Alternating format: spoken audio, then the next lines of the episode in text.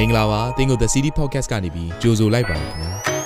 ယနေ့ Sermon Series မှာတော့ဆရာ Titus တို့ကနေပြီးနှုတ်ကပတ်တော်ကိုညွှန်ဖြစ်ပါတယ်မိမိရဲ့အသက်တာကိုကောင်းကြီးဖြစ်စေမယ့်ဘုရားသခင်ရဲ့နှုတ်ကပတ်တော်နဲ့နီလန်းတွေကိုအတူတူကခံယူကြရအောင်ခင်ဗျာဆိုတ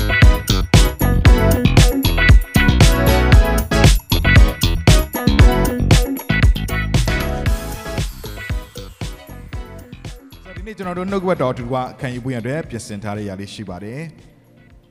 အာကျွန်တော်ကုန်ခဲ့တဲ့တစ်ခေါက်ကနေစပြီးတော့အာ series တစ်ခုကိုစပြီးဝင်ခနေတာဖြစ်ပါတယ်။အဲ့ဒါကတော့ Nehemi ဘိတ်သိက်နေဟမီရဲ့ဘိတ်သိက်အကြောင်းကိုကျွန်တော်တို့ဒါ Nehemiah's anointing ကိုကျွန်တော်တို့လေ့လာနေတာဖြစ်ပါတယ်။ဆိုတော့ဒီတစ်ပတ်မှာတော့ဒါဖတ်တူဖတ်2ကိုရောက်ပြီပေါ့နော်။အပိုင်း1ကိုဝင်ကားတာဖြစ်ပါတယ်ရှေ့တစ်ပတ်ရှေ့တစ်ခေါက်တုန်းကအပိုင်း1ကိုဝင်ကားခဲ့တာဖြစ်တယ်အပိုင်း1မှာတော့ဘုရားခင်ပေးသောဝင်တင်ခြင်းဆိုတဲ့အကြောင်းအရာကိုကျွန်တော်အတူတကွနှုတ်ဝတော်ဖြင့်တိဆောက် ချင်းခံရတယ်လေ့လာခဲ့ကြတယ်ဆိုတော့ဒီနေ့မှာတော့အပိုင်း1ကိုဝင်ကားကျင်တာဖြစ်ပါတယ်ဒီအပိုင်း2ရဲ့ခေါင်းစဉ်ကတော့အိမ်မက်များအားတိဆောက်ခြင်းဆိုတဲ့ခေါင်းစဉ်နဲ့ဝင်ကားကျင်တာဖြစ်ပါတယ်နေမီပိတ်သိက်အပိုင်းနဲ့အိမ်မက်များအားတိဆောက်ခြင်းเนาะဒီအကြောင်းအရာကိုကျွန်တော်ဒီနေ့အတူတကွလေးလာခံယူသွားမှာဖြစ်ပါတယ်နှုတ်ကပတ်တော်ထဲမှာ leadership နဲ့ပတ်သက်ရင်စံနမူနာထားရတဲ့ပုံကိုနှစ်ယောက်ရှိတယ်ခေါင်းဆောင်တွေအများကြီးပေါ်ထွက်လာခဲ့ပါတယ် နော်တကယ် Bible heroes တွေလည်းအများကြီးပါပဲကျမ်းစာထဲမှာဖော်ပြထားတဲ့အထင်ကရပုံကိုတွေ prophet တွေရှင်ဘီရင်တွေယစ်ဘရဟိတ်တွေလည်းအများကြီးပါပဲခေါင်းဆောင်တွေအများကြီးထဲမှာမှစံနမူနာထားပြီးယခုကျွန်တော်တို့ရဲ့မြင်ရတဲ့အာဝိညာဉ်ပိုင်းဆိုင်ရာအသက်တာအတွက်ယုံကြည်သူတွေကြားထဲမှာလည်းပဲစံမူနာထားပြီးလေ့လာရသူအပြင်လောကထဲမှာလည်းပဲခေါင်းဆောင်မှုနဲ့ပတ်သက်လာရင်နှစ်ယောက်ကို reference လုပ်ရတယ် အဲ့ဒါကတော့သခင်ယေရှုခရစ်တော်ရဲ့ခေါင်းဆောင်မှုဖြစ်ပြီးတော့မှနောက်ထပ်တစ်ယောက်ကတော့နေဟမိရဲ့ခေါင်းဆောင်မှုဖြစ်ပါတယ်ဆိုတော့နေဟမိရဲ့ခေါင်းဆောင်မှုသူ့ပေါ်မှာတင်ထားတဲ့ဘုရားရဲ့ပိဋိကအံ့ဩထူးခြားဖို့ကောင်းပါတယ်သူကနော်တခြား prophet တွေလို့ယေဘရဟိတ်တွေလို့ခေါင်းဆောင်ကြီးတွေလို့သူ့ရဲ့ဘဝတက်တာထဲမှာထင်ရှားတဲ့အံ့ဩဖွယ်ကောင်းတဲ့နမိတ်လက္ခဏာကြီးလောက်ခဲ့သူတရားမဟုတ်ပါဘူး။နတ်ဆိုးတွေကိုနှင်ထုတ်တာ၊ကျမ်းမာခြင်းပေးတာ၊ရေကိုနှချမ်းကွဲစေတာဟာတကယ်ကိုနမိတ်လက္ခဏာ signs and wonders တွေနဲ့ အမှုဆောင်ခဲ့တဲ့သူတရားမဟုတ်ခဲ့ဘူး။ဒါပေမဲ့သူ့မှာရန်ထူးခြားတဲ့ဘိသိက်တစ်ခုရှိတယ်။အဲ့ဒါဘာလဲဆိုရင်သူလှုပ်ဆောင်တဲ့အမှုရာတဲမှာဟိုးအောက်ခြေမှာရှိတဲ့လူတွေကစလို့ထိတ်ဆုံးမှာရှိတဲ့တကယ်အာနာရှိတဲ့ရှင်ဘီရင်တွေမူကြီးမယားတွေတိုင်းပြည်တိုင်းရဲ့နေစားတွေမြို့နယ်တွေအာအကုန်လုံးတိုင်းနိုင်ငံအပေါင်းတို့ရဲ့ရှင်ဘီရင်တွေအားလုံးကသူလှုပ်ဆောင်တဲ့အမှုရာထဲမှာဝိုင်းဝန်းကူညီပြီးပံ့ပိုးပေးရတဲ့ ठी လွှမ်းမိုးမှုရှိတော်သူတယောက်ဖြစ်လာတယ်ထူးခြားအံ့ဩဖွယ်ကောင်းတဲ့နမိတ်လက္ခဏာတွေအများကြီးမလုပ်တော့လေပဲသူ့ရဲ့ထူးခြားအံ့ဩဖွယ်ကောင်းတဲ့နမိတ်လက္ခဏာတစ်ခုကပါလဲဆိုရင်နှစ်ပေါင်း80လုံးလုံးဘယ်သူမှတိဆောက်လို့မရနိုင်တဲ့မြို့ရိုးကိုလာပြီးတိဆောက်တဲ့သူတွေရှိပေမဲ့မတိဆောက်နိုင်ဘဲနဲ့တဝက်တစ်ပြက်နဲ့ထားခဲ့ရတဲ့နှစ်ပေါင်းများစွာကြာနေတဲ့မြို့ရိုးကိုတလာခွဲအတွင်းမှာအကုန်ပြီးသွားတယ်အဲ့ထူးခြားတဲ့အံ့ဩဖွယ်ကောင်းတဲ့နော်ပိတ်သိက်ကတော့တကယ်ပဲနော်ကျွန်တော်တို့အတွက်သ င်ယူစရာဖြစ်တယ်လေးလာစရာဖြစ်တယ်သင်ရမိသားစုထဲမှာနေရမိပိတ်သိက်ရောက်လာရင်သင်ရမှုတော်မြတ်လုပ်ငန်းထဲမှာနေရမိဘိတ်သိက်ရောက်လာရင်ဟာလေလုယာသင်ရဲ့လုပ်ငန်းထဲမှာနေရမိဘိတ်သိက်ရောက်လာတယ်ဆိုရင်ကြံ့ကြာနေတဲ့အရာခတ်သိမ်းပိတ်ဆို့နေတဲ့အရာအလုံးကလှင်မြန်စွာနဲ့ပြီးစီးရတော့ခွင့်နဲ့သင်လှုပ်ဆောင်တဲ့အမှုရာထဲမှာဝိုင်းဝန်းကူညီမဲ့သူတွေအားလုံးခြံရံပြီးကူညီပံ့ပိုးပေးတဲ့ကောင်းချီးမင်္ဂလာသင်ရလာမှာဖြစ်တယ်ဘယ်နှယောက်ကများနေမိဘိတ်သိက်ကိုစာငတ်ပါတယ်ဟာလေလုယာ စာငတ်တော်သူတွေဘုရားခင်ပြင်ဆင်ထားတယ်ဒါကြောင့်ဒီနေ့နေရမိဘိတ်သိက်တဲ့ကျွန်တော်တို့ရဲ့အသက်တာထဲမှာသူ့ရဲ့ခြေလံသူ့ရဲ့လှုပ်ဆောင်ခြင်းတွေကနေဒီဟာကိုကျွန်တော်တို့ရဲ့အသက်တာမှာဘလို့လက်ခံပြီးတော့ခြေလံလှမ်းမလဲအဲ့ဒီပိတ်သက်ကိုကျွန်တော်တို့ဘလို့ကြိုးဆိုမလဲအဲ့ဒီအဲမှာဘာတွေပါဝင်နေတယ်ဆိုတာကိုအထူးသဖြင့်လေ့လာဖို့ရဖြစ်တယ်ဒီနေ့မှာတော့သူရထားတဲ့အိမ်မက်ရှစ်ရှစ်အာနှုတ်ကပတ်တော်ကျွန်တော်ဝင်ငါခဲ့တဲ့နှုတ်ကပတ်တော်အဲမှာတော့ဒါသူဝင်တင်ခြင်းကိုရတဲ့အကြောင်းကိုကျွန်တော်အထူးသဖြင့် ဘုရားခင်ပေးတဲ့ဝင်တင်ခြင်းဆိုတာပါလေကျွန်တော်တို့လူတွေထဲမှာရှိနေတဲ့ဝင်တင်ခြင်းဆိုတာပါလေနတ်ဆိုးတွေစီကလာတဲ့ဝင်တင်ခြင်းဆိုတာပါလေဆိုတော့အကြောင်းအရာတွေကိုတေချာကကနနာရှင်းခဲ့ပြီးပြီဖြစ်တယ်ဝင်တင်ခြင်းကဘလို့မွေးဖွားလာလဲဆိုတဲ့အရာလေးကိုပြောခဲ့ပြီးပြီဖြစ်တယ်အကယ်၍အများဒီထဲမှာနားမထောင်ရတဲ့သူရှိတယ်ဆိုရင်အပိုင်းနဲ့အခုပြောမယ့်အကြောင်းအရာနဲ့ဆက်ဆက်မှုရှိဝင်တော့ပြန်ပြီးတော့နားထောင်ပြီးတော့ခွန်အားယူစေလိုပါတယ်အဲ့တော့ဒီနေ့မှာတော့ကျွန်တော်ဝင်တင်ခြင်းအကြောင်းအရာနဲ့အတူဘာကိုသွားကျင်တယ်လဲဆိုရင်အိမ်မက်ဖြစ်တယ်အိမ်မက်တွေဖြစ်တယ် ဒီထဲမှာအိမ်မက်မဖူးတဲ့သူတွေရှိပါလိမ့်မယ်နော်ခဏခဏအိမ်မက်မှတ်တာလည်းရှိလိမ့်မယ်စာသင်ခန်းထဲမှာရောအိမ်မက်မှတ်တယ်နော်အိမ်မက်မှတ်တာကသူကနေရာပါမချန်တော့ဆိုတရားဟောနေချိန်မှာဆရာတဲတဲ့စစ်အချိန်မှာလည်းအိမ်မက်တွေမှတ်တယ်အဲ့လိုမျိုးလေးဖြစ်ကောင်းဖြစ်လိမ့်မယ်ဒါပေမဲ့ကျွန်တော်အခုပြောချင်တဲ့အိမ်မက်ကတင့်ရဲ့ဘဝသက်တာမှာအရန်ဖြစ်ချင်တဲ့စိတ်ဆန္ဒနဲ့မျှော်လင့်ထားတဲ့အိမ်မက်တွေကိုပြောခြင်းဖြစ်ပါတယ်ညတကောင်ရံမှာမှတ်လိုက်တဲ့အိမ်မက် မဟုတ်ပါဘူးဒါပေမဲ့တချို့အိမ်မက်တွေကအဲ့လိုအိမ်မက်ညဘက်အိတ်ရင်းနဲ့ဒါမှမဟုတ်တစ်ချိန်လေးအိတ်လိုက်တဲ့အချိန်လေးမှာရလာတဲ့အိမ်မက်တွေကနေတစင်မွေးဖွာလာတာမျိုးရှိပါတယ်နော်ကျွန်တော်ခဏနေလေးလာ Mother Teresa ဆိုလဲအိမ်မက်အားဖြင့်အိတ်နေတဲ့အချိန်မှာဘုရားကသူ့ကိုစကားပြောတာလည်းရှိတယ်လို့ယထာပေါ်မှာသွားရင်းနဲ့မှ vision အားဖြင့်ဘုရားကသူ့ကိုစကားပြောပြီးသူ့ရဲ့အသက်တာကိုကောင်းကြီးဖြစ်စေတယ်အိမ်မက်တွေကမွေးဖွာလာတတ်တယ်သင်မှာအိမ်မက်တွေရှိလိမ့်မယ်အဲ့တော့နံပါတ်1ချက်အနေနဲ့ကျွန်တော်ဒီနေ့လေ့လာခြင်းတဲ့အကြောင်းအရာထဲမှာနံပါတ်1ချက်အနေနဲ့ဖျားပေးတဲ့အိမ်မက်ယူပါယုံတွေကဝင်းတင်ခြင်းတွေနဲ့ စတင်ပါတယ်ဖျားပေးတဲ့အိမ်မက်ယူပါယုံတွေကဝင်တင်ခြင်းနဲ့စတင်တယ်သင်ရဲ့အိမ်မက်အတွက်သင်ဝင်တင်ခြင်းခံစားရလားဒါကိုစမ်းစစ်ဖို့ဖြစ်တယ်အဲ့တော့လူတွေကိုယ်တိုင်တယောက်ချင်းစီတိုင်းမှာရှိနေတဲ့အိမ်မက်တွေဆိုတာရှိပါတယ်လူတိုင်းမှာအိမ်မက်ကိုယ်စီရှိတယ်။အော်ငါရဲ့သားသမီးအတွက်ဆိုပြီးသားသမီးအတွက်အိမ်မက်တွေရှိလိမ့်မယ်။ကိုယ့်ရဲ့အသက်တာအတွက်အိမ်မက်တွေရှိလိမ့်မယ်။ ကိုယ့်ရဲ့အလုပ်ကိုင်းနဲ့ပတ်သက်ပြီးအိမ်မက်တွေရှိလိမ့်မယ်။အနာဂတ်မှာနောက်9နှစ်နောက်10နှစ်မှာနောက်အနှစ်20မှာငါကတော့ဘယ်လိုဖြစ်ရမယ်ဆိုတဲ့အိမ်မက်တွေရှိလိမ့်မယ်။ဒါပေမဲ့လူစီကကိုယ့်ဘာကိုမွေးဖွားထားတဲ့အိမ်မက်တွေနဲ့ဖျားခင်ပေးသောအိမ်မက်တွေကဝဲပြားခြားနာတယ်။ဖျားပေးတဲ့အိမ်မက်တိုင်းမှာဘာလာတယ်လဲဆိုရင်ဝင်တင်ခြင်းလာတယ်အိမ်မက်တိုင်းကဖျားစီကလာတာတော့မဟုတ်ဘူး အိမ်မက်တိုင်းကဖျားစီကလာတာမဟုတ်ဒါပေမဲ့ဖျားစီကလာတဲ့အိမ်မက်တိုင်းကတော့ဝင်တင်ခြင်းနဲ့စတင်ပါတယ်ဝင်တင်ခြင်းတိုင်းမှာဘာပါလာပြီလဲဆိုရင်စိတ်ခံစားချက်နှလုံးသားအပြည့်ပါလာတယ်အဲ့လိုပဲအိမ်မက်တွေရောက်လာပြီဆိုရင်အိမ်မက်တိုင်းကဘယ်ကနေလာတက်လဲဆိုရင်နှလုံးသားခံစားချက်ဝင်တင်ခြင်းတွေစီကနေပြီးတော့မှအမြဲတမ်းမွေးဖွားလာတယ်ဆိုတော့တွေ့ရတယ်ဝင်တင်ခြင်းလာပြီဆိုတော့ ਨੇ သင်ပါဖြစ်လာပြီဆို alive ဖြစ်လာတယ်အသက်ရှင်မှုဖြစ်လာတယ် တချို့ကြုံမှုမှာပါကျွန်တော်တို့ရဲ့အသက်တာထဲမှာတစုံတစ်ခုရီမန်းချက်အိမ်မက်တစုံတစ်ခုမရှိဘူးမျောလင့်ထားခြင်းမရှိဘူးဆိုရင်အေးစစ်စစ်ပဲနေတိုင်းဖြစ်တယ်လို့လေအသက်ရှင်ပြီးတော့မှနော်88ဆက်နဲ့ဘဝကအသက်ရှင်မှုနော်လမ်းဆန်းမှုမရှိဘဲနဲ့ဟောနေတိုင်းဒါကြီးပဲလုပ်နေရတယ်ဒီလိုကြီးပဲသွားနေရတယ်ငါဘဝကဒီလိုပဲကုံဆုံးတော့မှလားဆိုပြီးတော့မှညီးငွေမှုနဲ့ဖြတ်တန်းနေရတဲ့အချိန်ရှိတယ်ဒါပေမဲ့သင်ရဲ့အသက်တာထဲမှာတစုံတစ်ခုဝင်တင်ခြင်းရောက်လာပြီဆိုရင်သင်ရဲ့အသက်ရှင်မှုက 88ဆက်မဟုတ်တော့ဘူးတစုံတစ်ခုသင်ထဲမှာအင်အားတစ်ခုကမွေးဖွားလာတယ်အာမင်လမ်းဆန်းမှုရှိလာတယ်နောက်တစ်ခု passion လို့ခေါ်တဲ့စိတ်အားပြင်းပြမှုရှိလာတယ်သူကိုကြည့်လိုက်ရင်အမြဲတမ်းတက်ကြွနေတယ်လမ်းဆန်းနေတယ်တွက်လက်နေတယ်လှုပ်ရှားနေတယ်အမြဲတမ်းပြုံးရွှင်နေတယ်အမြဲတမ်းအားအင်အပြည့်နဲ့လှုပ်ဆောင်တယ်ဘာကြောင့်လဲဆိုရင်အဲ့ဒီလူရဲ့အထက်မှာအမြဲတမ်းအိမ်မက်တွေရှိတတ်တယ်အိမ်မက်မရှိတဲ့သူကတော့သွားရင်လဲပဲငေးတီငေးကတောင်းရင်လဲပဲ နော်အေးစစ်စစ်လေးတီလေးကန်အလုပ်လုပ်ရင်လဲလေးတီဟိုဟာလေးခုံလေးသွားရွှေ့ပါဦးမရွှေ့ချင်းရွှေ့ချင်းနဲ့ရွှေ့နော်ဝင်တင်ချင်းခံရတဲ့ခါမှာအဲ့လိုမဟုတ်တော့ဘူးလူကလန်းဆန်းလာတယ်တက်ကြွလာတယ်အားအင်ပြည့်လာတယ်ပြင်းပြတဲ့စိတ်ခံစားမှုတွေရှိလာတယ်နေ့ရက်တိုင်းမှာ energetic ဖြစ်နေတယ်တကယ်ကိုအားရင်ပြည့်တယ်မနဲ့မိုးလင်းလာတယ်ဟာလန်းဆန်းစွာနဲ့နိုးထလာတယ် မနက်ကင်းနိုးထလာတဲ့ခါမှာပြီးပြင်းတွဲနေဟာဆိုပြီးတော့နိုးလာတဲ့သူရှိနေတယ်ဆိုရင်သင်အိမ်မက်တွေလိုတယ်အာမင်နာရှိတော်သူမြည်ဒီကကြားပါစေ။သင်ရဲ့တတ်တာထဲမှာဝင်တင်ခြင်းရှိဖို့လိုအပ်တယ်။ဝင်တင်ခြင်းရောက်လာရင်အဲ့ဝင်တင်ခြင်းကဘာကိုပေးလာလဲဆိုကျွန်တော်တို့ကအသက်ရှင်မှုဘဝမှာအသက်ရှင်ရတာအတိတ်ပဲရှိစေတဲ့ခံစားချက်ကိုပေးလာပြီးအဲ့ထဲကနေပြင်းပြတဲ့အားအင်တွေနဲ့ပြင်းပြတဲ့စိတ်ဆန္ဒတွေနဲ့လန်းဆန်းမှုတွေတက်ကြွမှုတွေမွေးဖွားလာတယ်။အိမ်မက်ရောက်လာပြီဆိုလူတစ်ယောက်ကပုံစံပြောင်းသွားတတ်တယ်။ အိမ်မက်ရောက်လာပြီဆိုသူ့ရဲ့လုပ်ပုံကင်ပုံပြောင်းသွားတယ်။အိမ်မက်ရထားတဲ့သူတစ်ယောက်ရဲ့အသက်ရှင်မှုပုံစံပြောင်းတယ်။အိမ်မက်ရှိတော်သူနဲ့အိမ်မက်မရှိဘဲနဲ့ရီမန်းချက်မရှိတဲ့သူရဲ့အသက်ရှင်မှုကတခြားစီတွေးရပါတယ်အဲ့တော့နေယမိကသူ့ရဲ့ဘဝအသက်တာထဲမှာဝင်တင်ခြင်းဖြစ်လာတယ်အဲ့ဒါအပိုင်းတင်မှာကျွန်တော်လေ့လာခဲ့ပြီးပြီတကယ်ကိုမျက်ရည်တွေနဲ့သူဝင်တင်လာတယ်သူ့ရဲ့ဝင်တင်ခြင်းကမျက်ရည်တွေနဲ့စတင်တယ်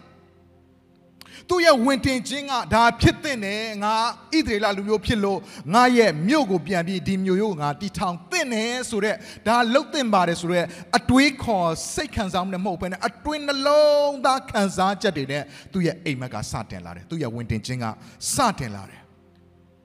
သူလေးလပတ်လုံးငိုကြွေးတယ်ကြေကွဲရတယ်ဝမ်းနေရတယ်ပူဆွေးရတယ်ယူကျုံမရဖြစ်တယ်သူ့ရဲ့လူမျိုးတွေရဲ့အပြစ်တွေသူငိုရတယ် သူ့ရဲ့မိသားစုတွေတကွဲတပြားပြစ်ချင်းအတွက်ငိုရတယ်သူ့ရဲ့လူမျိုးတွေကိုရန်သူနှိပ်စက်ခြင်းအတွက်ငိုရတယ်သူ့ရဲ့မျိုးရိုးကိုကြည့်လိုက်တဲ့ခါမှာမီးလောင်ပြာကျနေတော့ကြည့်ပြီးသူငိုရတယ်ငိုကြွေးခြင်းနဲ့ငိုကြွေးခြင်းနဲ့သူ့ရဲ့ဘဝတက်တော်ဖြတ်တန်းလိုက်ရတာလေးလကြာသွားတယ်သူသတင်းစာကြားကလေးကငိုလိုက်ရတာသူ့မှာဒီနေ့သင်ဘာအတွက်ငိုနေလဲသင်ဘာအတွက်မျက်ရည်ကျနေလဲသင်ရဲ့မျက်ရည်တွေကသင်ရဲ့ဝင်တင်ခြင်းကိုဖော်ပြတယ် ဒီနေ့သင်ရဲ့အိမ်မက်ရှိလာပြီဆိုရင်ဖျားပေးတဲ့အိမ်မက်တိုင်းမှာဝင်တင်ခြင်းကအမြဲတမ်းတွဲပါလာတနည်းအားဖြင့်အိမ်မက်တွေမလာခင်မှာပါရင်လာလဲဆိုဝင်တင်ခြင်းအရင်လာတယ်နှလုံးသားခံစားချက်တွေလာတယ်ကြေကွဲခြင်းတွေလာတယ်ဝမ်းနဲ့ပူဆွေးခြင်းတွေလာတယ်ယူကျုံမရဖြစ်မှုတွေလာတယ်နာကျင်မှုတွေလာတတ်တယ်အဲ့ဒီနောက်မှာဘာမွေးဖွားလာလဲဆိုရင်လှပတဲ့အိမ်မက်တွေကမွေးဖွားလာတယ်အာမင် ဝင်တင်ခြင်းမရှိတော့သူရဲ့တက်တာမှာဘုရားကဘယ်တော့မှသူ့ရဲ့အိမ်မက်တွေကိုထည့်မပေးဘူးသင်ဘဝကိုခပ်ပေါ့ပေါ့ဖြတ်တန်းနေတယ်ဆိုဘယ်တော့မှဘုရားပေးတဲ့အိမ်မက်ကိုရဖို့မမျှော်လင့်နဲ့ဒါပေမဲ့ဘုရားပေးတဲ့အိမ်မက်ကိုရဖို့သင်မျှော်လင့်သလားဘုရားခင်စီမှာကိုတော့ကျွန်တော်ကိုဝင်တင်ခြင်းပေးပါဆူတောင်းကြည့်ပါ တချို့သောသူတွေဆူတောင်းဆရာကိုမလို့မြင်တဲ့အချိန်မှာဖခင်ကနှိုးဆော်နေပြီသူ့ရဲ့နှလုံးသားကိုမှွေနှောက်နေပြီဖြစ်ပျက်တဲ့အခြေအနေကိုကြည့်ပြီးနှလုံးသားမှွေနှောက်ခြင်းခံစားရပြီခုသတင်းကြားယုံနဲ့ပင်လင်နေရမိနှလုံးသားမှွေနှောက်ခြင်းခံစားရတယ်ဣသရေလလူမျိုးတွေအများကြီးပဲဒါပေမဲ့အဲ့ဒီဣသရေလလူမျိုးအများကြီးထဲမှာမျက်ရည်ကျပြီးဘုရားခင်ရှိမှမှာဆူတောင်းတဲ့သူကတော့မရှိဘူးနေရမိတယောက်ပဲရှိတယ်ထောင်နဲ့ချီတောင်းနဲ့ချီရှိတဲ့ဣသရေလလူမျိုးတွေကကိုယ့်မျိုးရိုးပြိုကျနေတဲ့အတွက်မျက်ရည်မကျဘူးဒါပေမဲ့နေရမိကတော့ မျက်ရည်ကျတယ်။ဘာကြောင့်မျက်ရည်ကျလဲ။ तू ချစ်လို့ချစ်တဲ့အရာတွေအတွက်ကျွန်တော်မျက်ရည်ကျတတ်တယ်။ကိုသားသမီးတစုံတစ်ခုထိခိုက်မျက်ရည်ကျဘာကြောင့်ကိုသားသမီးကိုချစ်လို့လေ။ကိုရဲ့ငွေကြေးဆုံးရှုံးသွားရင်ငိုရတဲ့။ဘာကြောင့်လဲအဲ့ငွေကိုကိုကချစ်နေလို့လေ။ကိုရဲ့ခင်မွန်းတဲ့ကိုရဲ့စနီးတဲ့ကိုရဲ့မိဘတစုံတစ်ခုထိခိုက်ပြီးပြဿနာဖြစ်ပြီးအိုးဒုက္ခပြဿနာကြုံဆိုငိုရတော့တယ်။မငိုပါနဲ့သွားတားလို့မရငိုတော့တာပဲ။ဘာကြောင့်လဲချစ်လို့ သင်ကလောကအရာတွေအတွက်တော့မျက်ရည်ကျတတ်ပြီးတော့သင်ရဲ့အလောက်တိုင်းဆုံးရှုံးမှုတွေလူတွေနှိမ်တာအတွက်မျက်ရည်ကျတတ်ပြီးတော့ဖျားဖြစ်စေခြင်းနဲ့အလိုဆန္ဒအတွက်ဖျားရဲ့အလိုဆန္ဒဖျားရဲ့သဘောတော်ဖျားဖြစ်စေခြင်းနဲ့ဆန္ဒအတွက်သင်မျက်ရည်မကျတတ်ဘူးဆိုရင်ရှင်းရှင်းလေးပဲသင်ရဲ့ချစ်ချင်းကဖျားစီမှာမရှိဘူးဟယ်လိုညီကောင်မများသင်ဖျားကိုချစ်ရင်ဖျားငိုကြွေးတတ်တော့သင်ငိုကြွေးတတ်လာလိမ့်မယ် ဖခင်ခံစားတတ်တယ်လို့ခံစားလာလိမ့်မယ်ဟာလေလုယဖခင်ဘာအတွက်မျက်ရည်ကျလဲပျောက်ဆုံးသောဝိညာဉ်တွေအတွက်မျက်ရည်ကျတယ်ဖခင်ကတင့်အတွက်မျက်ရည်ကျတယ်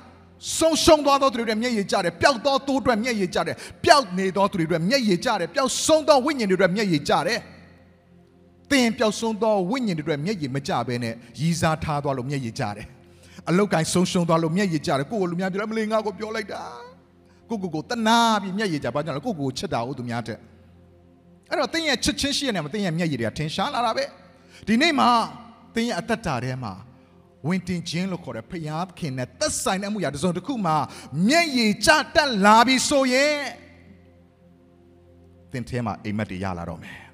ဟာလေလုယာသင်ရဲ့တက်တာမှာအိမ်မက်ယူပါယုံတွေရလာလိမ့်မယ်ဘာကြောင့်လဲအိမ်မက်တွေကမျက်ရည်တွေနဲ့မွေးဖွားလာတယ်ဝင်တင်ခြင်းတွေနဲ့မွေးဖွားလာတယ်အဲ့တော့အိမ်မက်လို့ပြောတဲ့ကမှာကိုယ့်ရဲ့အိမ်မက် ဖျားပေးတဲ့အိမ်မက်ကတော့ဝင်တင်ခြင်းနဲ့စဒါပေမဲ့ကိုယ့်ရဲ့ကိုကိုကိုစဉ်းစားပြီးမွေးဖွားထားတဲ့အိမ်မက်တွေငါတနေ့ကြာရင်တော့အောင်မြင်တဲ့တထေးကြီးဖြစ်ရမယ်ငါတော့တကယ်နာမည်ကြီးတဲ့ celebrity ဖြစ်ရမယ်ငါတော့ဆရာဝန်ကြီးဖြစ်ရမယ်ငါတော့ engineer ဖြစ်ရငါတော့ဘလို့ဖြစ်ရမယ်ဆိုတော့အိမ်မက်တွေရှိတတ်တယ်ညီကောင်မတို့အဲ့ဒီအိမ်မက်တွေကလေတင့်တစုံတယောက်ထဲကောင်းစားဖို့နာမည်ကြီးဖို့ကြီးမြင့်ဖို့အောင်မြင်ထင်ရှားဖို့ဖြစ်တယ်ဆိုရင်သိကြတယ်ဖခင်ခင်စီကလာတာမဟုတ် ဘူးကဘာကိုပတ်ပြီးတော့အင်္ဂလိပ်ဟောမှာငါတော့တကယ်နာမည်ကြီးတဲ့ဟာနိုင်ငံတိုင်းကဖိတ်ခေါ်ပြီးဟောရတဲ့တင်းအုပ်ဆရာကြီးဆရာကြီးဖြစ်ရမယ်အမှုတော်ဆောင်ကြီးဖြစ်ရမယ်ဆိုတေးကြတဲ့အဲ့ဒါကတင်းရဲ့အသွေးသားဆရာတိသဘောကလာတဲ့အိမ်မက်တွေဖြစ်တယ်ဖခင်ကတူးကောင်းတယောက်ကောင်းနဲ့ဘယ်တော့မှအလုံးမလုပ်ဘူးအိမ်မက်ပေးလာပြီဆိုရင်ယူပါယုံပေးလာပြီဆိုအဲ့အိမ်မက်ယူပါယုံတွေကသင်အသက်တာကိုအသုံးပြုပြီးသူတစ်ပါးကောင်းကြီးဖြစ်ဖို့ရန်အတွက်အမြဲအမြဲပြင်ဆင်လေးရှိတယ်ဟာလေလုယာ လူတွေမတ်တဲ့အိမ်မက်ကတော့တခြားသူတွေပျက်စီးရင်နေပါလိမ့်စေကိုကောင်းစားဖို့ပဲကိုနာမည်ကြီးဖို့ပဲကိုအောင်မြင်ဖို့ပဲနာမည်ကြီးတရားဟောဆရာနာမည်ကြီးအဆိုတော်နာမည်ကြီးတရုပ်ဆောင်နာမည်ကြီးစီးပွားရေးလုပ်ငန်းရှင်တကယ်အောင်မြင်တဲ့ကျွေဝချမ်းသာသူဖြစ်ရဘာအတွက်စဉ်းစားကြည့်လိုက်အရင်မြက်ကကိုကောင်းစားဖို့ကိုမိသားစုကောင်းစားဖို့ဒါအပေါ်မှာပဲအခြေခံတယ်ဒါပေမဲ့ဘုရားသခင်အဲ့လိုမဟုတ်ဘုရားပေးတဲ့အိမ်မက်တွေကကိုအားဖြင့်သူတို့ဘာကောင်းကြီးဖြစ်စေဖို့သူတို့ဘာအိမ်မက်တွေနဲ့ဆက်ဆက်ပြီးချိတ်ဆက်ပြီးဘုရားသခင်ကမွေးဖွားစေတာဖြစ်တယ်ညီကောင်မောင်တို့ အာမင်ဒီသဘောတရားလေးကိုနားလည်ဖို့ဖြစ်တယ်သင်မှတ်ထားတဲ့အိမ်မက်ကအရန်တကူကောင်းဆန်နေတယ်ဆိုရင်အဲ့ဒါဘုရားစီကလာတာမဟုတ်သင်ရဲ့အတွေးတွေကသင်ရဲ့ဇာတိတွေကစီးထွက်လာတဲ့အိမ်မက်တွေဖြစ်တယ်ဒါပေမဲ့ဒီနေ့မှာတော့ဘုရားသခင်ကသူရဲ့အိမ်မက်တွေကိုသင်ရဲ့လက်ထဲမှာထည့်ပေးခြင်းတယ်ဘယ်နှယောက်ကမြတ်ထိုအိမ်မက်များကိုကြိုးဆိုပါအမလဲဟာလေလုယာကြိုးဆိုရအောင်ဘုရားပေးတဲ့အိမ်မက်တွေကိုကြိုးဆိုရအောင်အာမင်သင်တစုံတစ်ခုအတွက်ဝင်တင်ပြီးတော့မှအခုချိန်မှာငိုကြွေးနေရတယ်ဆိုကိုယ့်ရဲ့သားသမီးပြောင်းလဲဖို့ငိုကြွေးနေရတယ် သင်ဘေးနားမှာရှိနေတဲ့လူငယ်တွေကိုကြည့်တဲ့အခါမှာမူရစေးဝါးနဲ့တကယ်ကို game side မှာတကယ်ကိုပျက်စီးခြင်းမှာတကယ်ကို night club မှာရောက်နေတဲ့သူတို့ကြည့်ပြမှာစိတ်မချမ်းမသာဖြစ်ပြီးသူတို့အတွက်တတိယပြီးငိုကြွေးပြီးဆူတောင်းနေတယ်ဆိုရင်သင်ဝင်နေခြင်းစနေပြီမကြခင်မှာသင်အိမ်မက်တွေရလာတော့မယ် hallelujah သင်ဘာအတွက်ဝင်တင်ခြင်းခံစားဘာအတွက်ငိုကြွေးနေလဲကိုယ့်ရဲ့ခင်မွန်းတယ်လားကိုယ့်ရဲ့ဆွေမျိုးတွေအတွက်ငိုကြွေးနေတာလားဖျားခင်နှစ်သက်တယ်အဲ့ဒါကို ငိုကြွေးရဆိုငါရဲ့ဆွေမျိုးတွေကငါ့ကိုနှိမ့်နေဆိုပြီးတော့မှကိုယ့်ကိုတနာပြီးငိုတာကိုပြောတာမဟုတ်ဘူးနော်သူတို့အသက်တာပြောင်းလဲဖို့ခရစ်တော်ကိုယသွားဖို့ဖျားဝတ်ထဲမှာမွေ့လျော်လာဖို့ကိုသားသမီးတွေကိုခင်မွန်းဇနီးတဲ့ဆွေမျိုးတွေအတွက်ကျွန်တော်တို့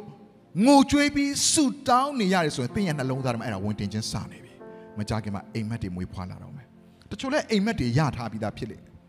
အဲ့တော့ဒီငိုကြွေးခြင်းတွေရောက်နေပြီဆိုဒီချိန်ကဖျားခင်ပေးတဲ့အိမ်မက်ကို သင်လက်ခံရရှိဖို့အတွက်အကောင်းဆုံးသောအချိန်ဖြစ်တယ်ဟာလေလုယာတချို့သောသူတွေဒီထဲမှာငိုကြွေးနေရသူရှိရဆိုဒီအိမ်မက်တွေနဲ့အရင်နီးစပ်နေပြီတချို့ရတော့ရနေပြီဟာလေလုယာအဲ့ဒီအိမ်မက်တွေကဖျားခင်ပေးသောအိမ်မက်တွေဖြစ်တယ်အိမ်မက်ယူပါယုံတွေကမျက်ရည်တွေနဲ့ဝင်တင်ခြင်းတွေနဲ့စတင်တယ်မာသာထရီဆာရဲ့သူ့ရဲ့အသက်တာထဲမှာ1940မှာသူအိန္ဒိယကလကဒန်ပြည်နယ်ကိုရောက်တဲ့အခါလမ်းဘေးတစ်လျှောက်လုံးမှာငတ်မော့ခေါင်းပါပြီးတကယ်ကိုသေကာနေဖြစ်တဲ့ စင်ရနွမ်းပါတဲ့သူတွေကိုတွေ့တဲ့အခါနှလုံးသားအယမ်းခြေကွဲတယ်သူယထာပေါ်ကနေဖြတ်သွားတဲ့အခါမှာယထာပေါ်ကနေဘေးကနေလိုက်ပြီးလုံကြီးအောင်អော်ကြတယ်ကြွေးပါဦးနည်းနည်းလေးရှင်ပြီးခဲ့ပါဦးကျွန်တော်တို့ဘဝတက်တိုင်းဒီလိုဖြစ်နေပြီသူကြည့်ပြီးမျက်ရည်ကျတယ်ခြေကွဲတယ်ယထာပေါ်မှာတရက်မှာသူအိမ်မက်မတ်တဲ့အခါမှာအိမ်မက်ထဲမှာဒီစင်ရနွမ်းပါတဲ့သူတွေကြည်ကွဲနေတဲ့သူတွေကိုခရစ်တော်စီကိုခေါ်လာခဲ့ပါဆိုတဲ့ထင်ရှားတဲ့အိမ်မက်အပြင်သူစကားပြောခြင်းခံရတယ် အဲ့လိုနဲ့1948 August လ18ရက်နေ့မှာသူရမွေးနေ့ဖြစ်တယ်အသက်38နှစ်ပြည့်မွေးနေ့မှာသူလက်ထဲမှာဒါငါ5 rupee ပဲရှိတယ် rupee 5 rupee ပဲရှိတယ်5ချက်လေးပဲရှိတယ်အဲ့ဒီ5ချက်လေးနဲ့ဘာမှဖြစ်ဖြစ်ငါထွက်ပြီးစတော့မယ်ခြေလန်းလှမ်းမယ်အဲ့ရှိမှာတော့သူရဲ့ arc bishop ကိုသူကစကားပြောပါတယ်ဒီလိုမျိုးအခြေအနေရှိတယ်ကျမတို့ကတင်မကောင်းဘူးလားလို့မကောင်းဘူးလား arch bishop bishop ကအာစိတ်ဝင်စားဘူး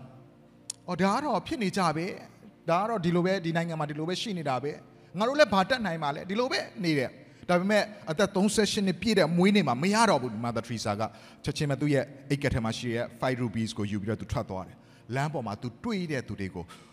ကုသနိုင်ဖို့ဆေးဝါးလေးတွေသွားဝယ်တယ်သူ့ထဲကနေဆေးဝါးလေးသွားဝယ်ပြီးသွားပေးတယ်စပြီးတယောက်စနှစ်ယောက်စနေစပြီးပြုစုပေးတယ်ပြီးရင်သူအိမ်နေစီကိုသွားတယ်သူစုထားတဲ့ပတ်စံတွေနဲ့သွားပြီးတော့မှစားတော့စရာယူသွားတယ်ဆူတောင်းပေးတယ် နောက်တချို့သောကလင်းငယ်တွေလမ်းဘေးမှာရောက်နေကလင်းတွေကိုစုပြီးတော့သူ ABCD သင်ပေးတယ်စားပြီးလှုပ်လိုက်တာ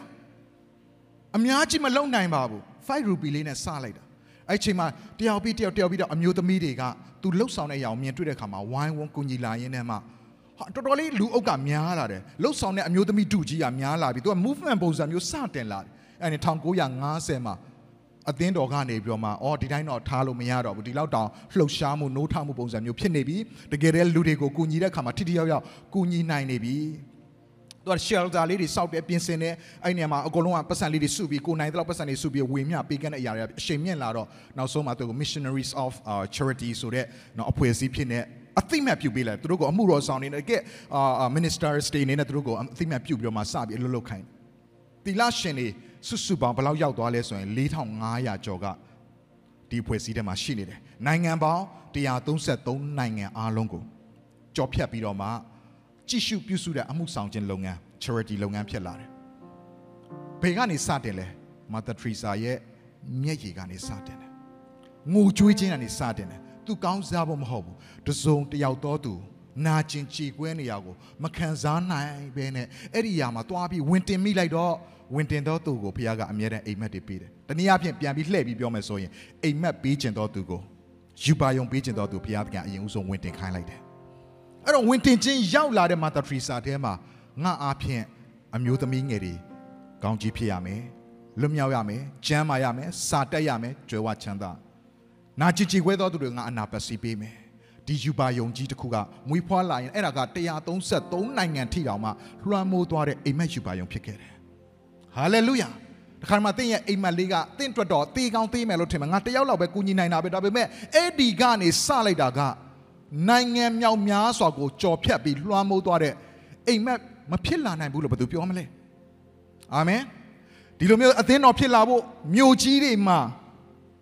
the city အသင်းတော်တွေပေါ်လာဖို့ဆိုရရာက အစောကြီးတဲ့ကကြိုတင်ပြင်ဆင်ပြီး plan ချပြီးလုပ်ခဲ့တာမှမဟုတ်တာလူငယ်လေး9ယောက်စုပြီးတော့မှ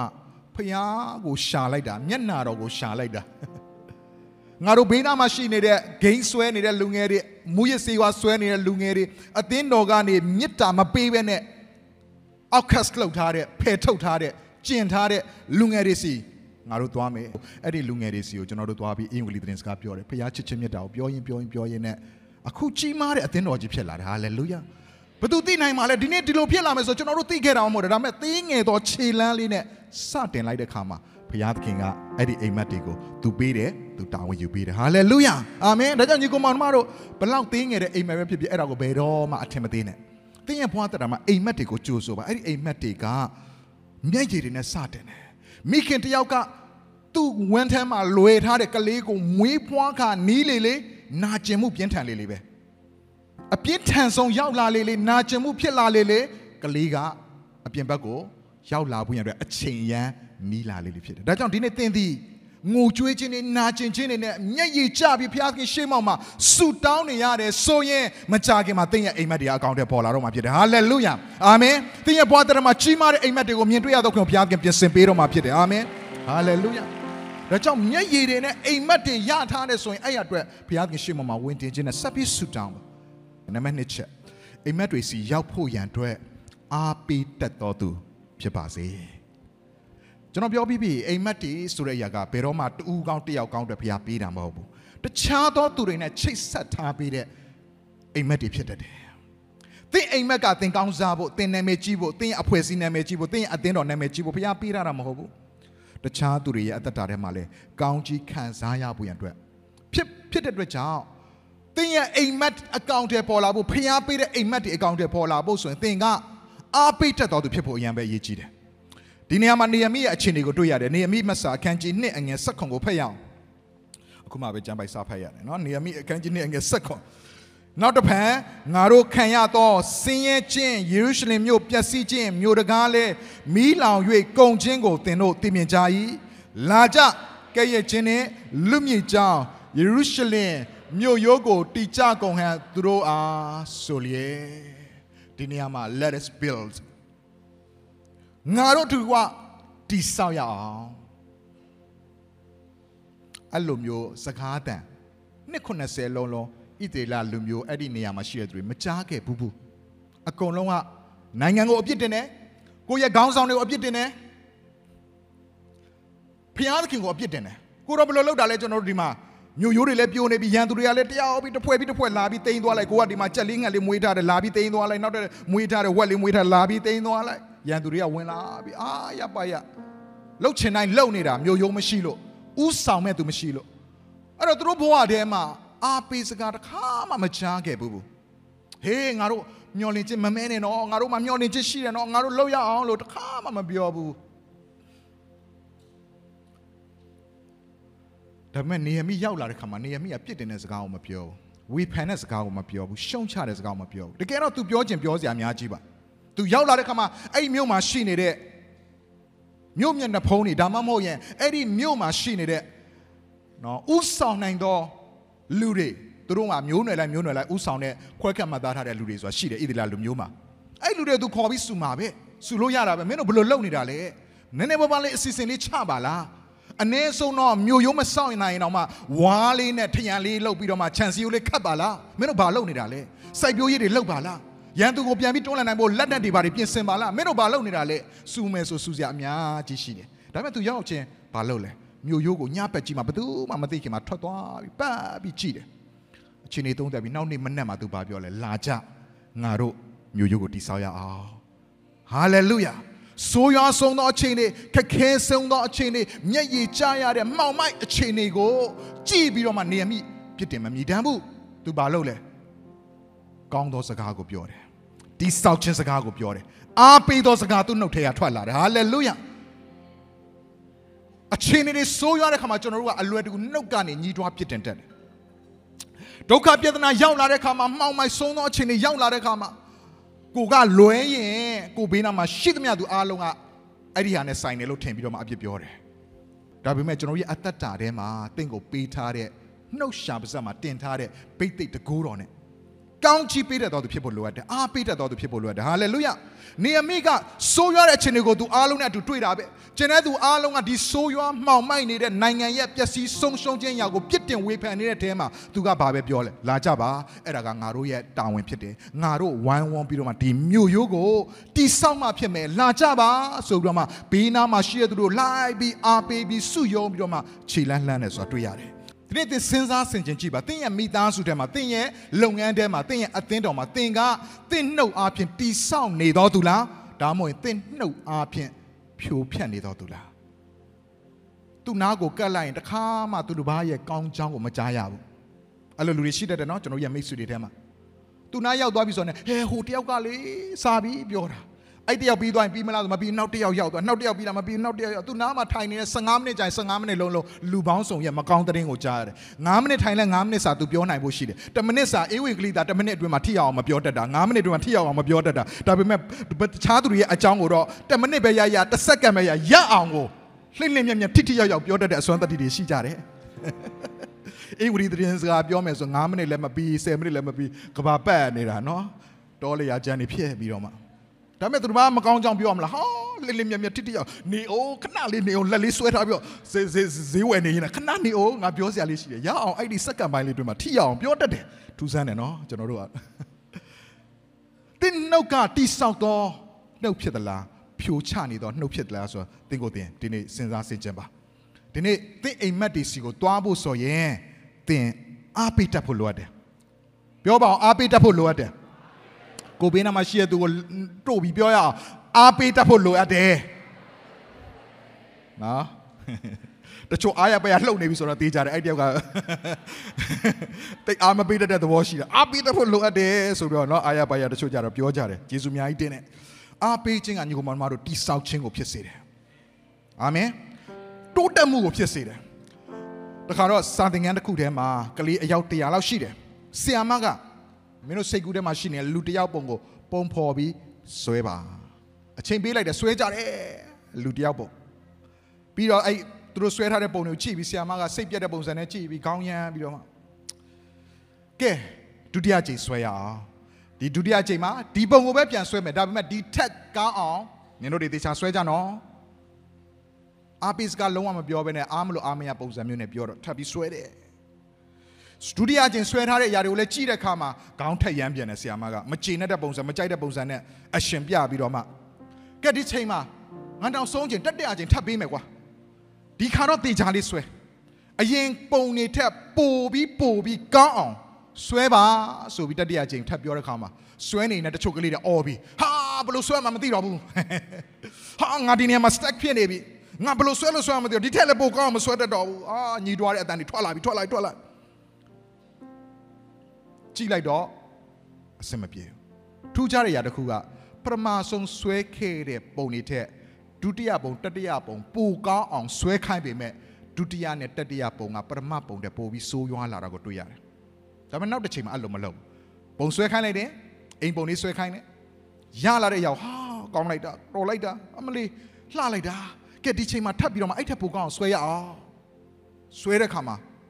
ဒုတိယကျင်ထက်ဆွဲတဲ့ဟာကိုလည်းကြည့်ပြီးအော်ပို့ပြီးစုံလင်းလာဒီမှာပန်းလေးတွေတစ်ပင်လေးတွေအော်ဒီနေရာမှာကားလေးတွေပါပါလာတယ်ကလှလိုက်တာချီမွမ်းပြီးတော့အာပေးပြီးကဲဒီချိန်မှာတော့တတိယကျင်ထပ်ပြီးကောင်းအောင်ဆွဲရအောင်ဟာအဲ့ချိန်မှာလေပြန်တွေပါပါလာတယ်အနောက်မှာတောင်တန်းတွေပါပါလာတယ်နေလုံးတွေပါပါလာတယ်အဆန်းချောင်းတွေပါပါလာတယ်ပကြီးကားကအရန်လှပါသွားတယ်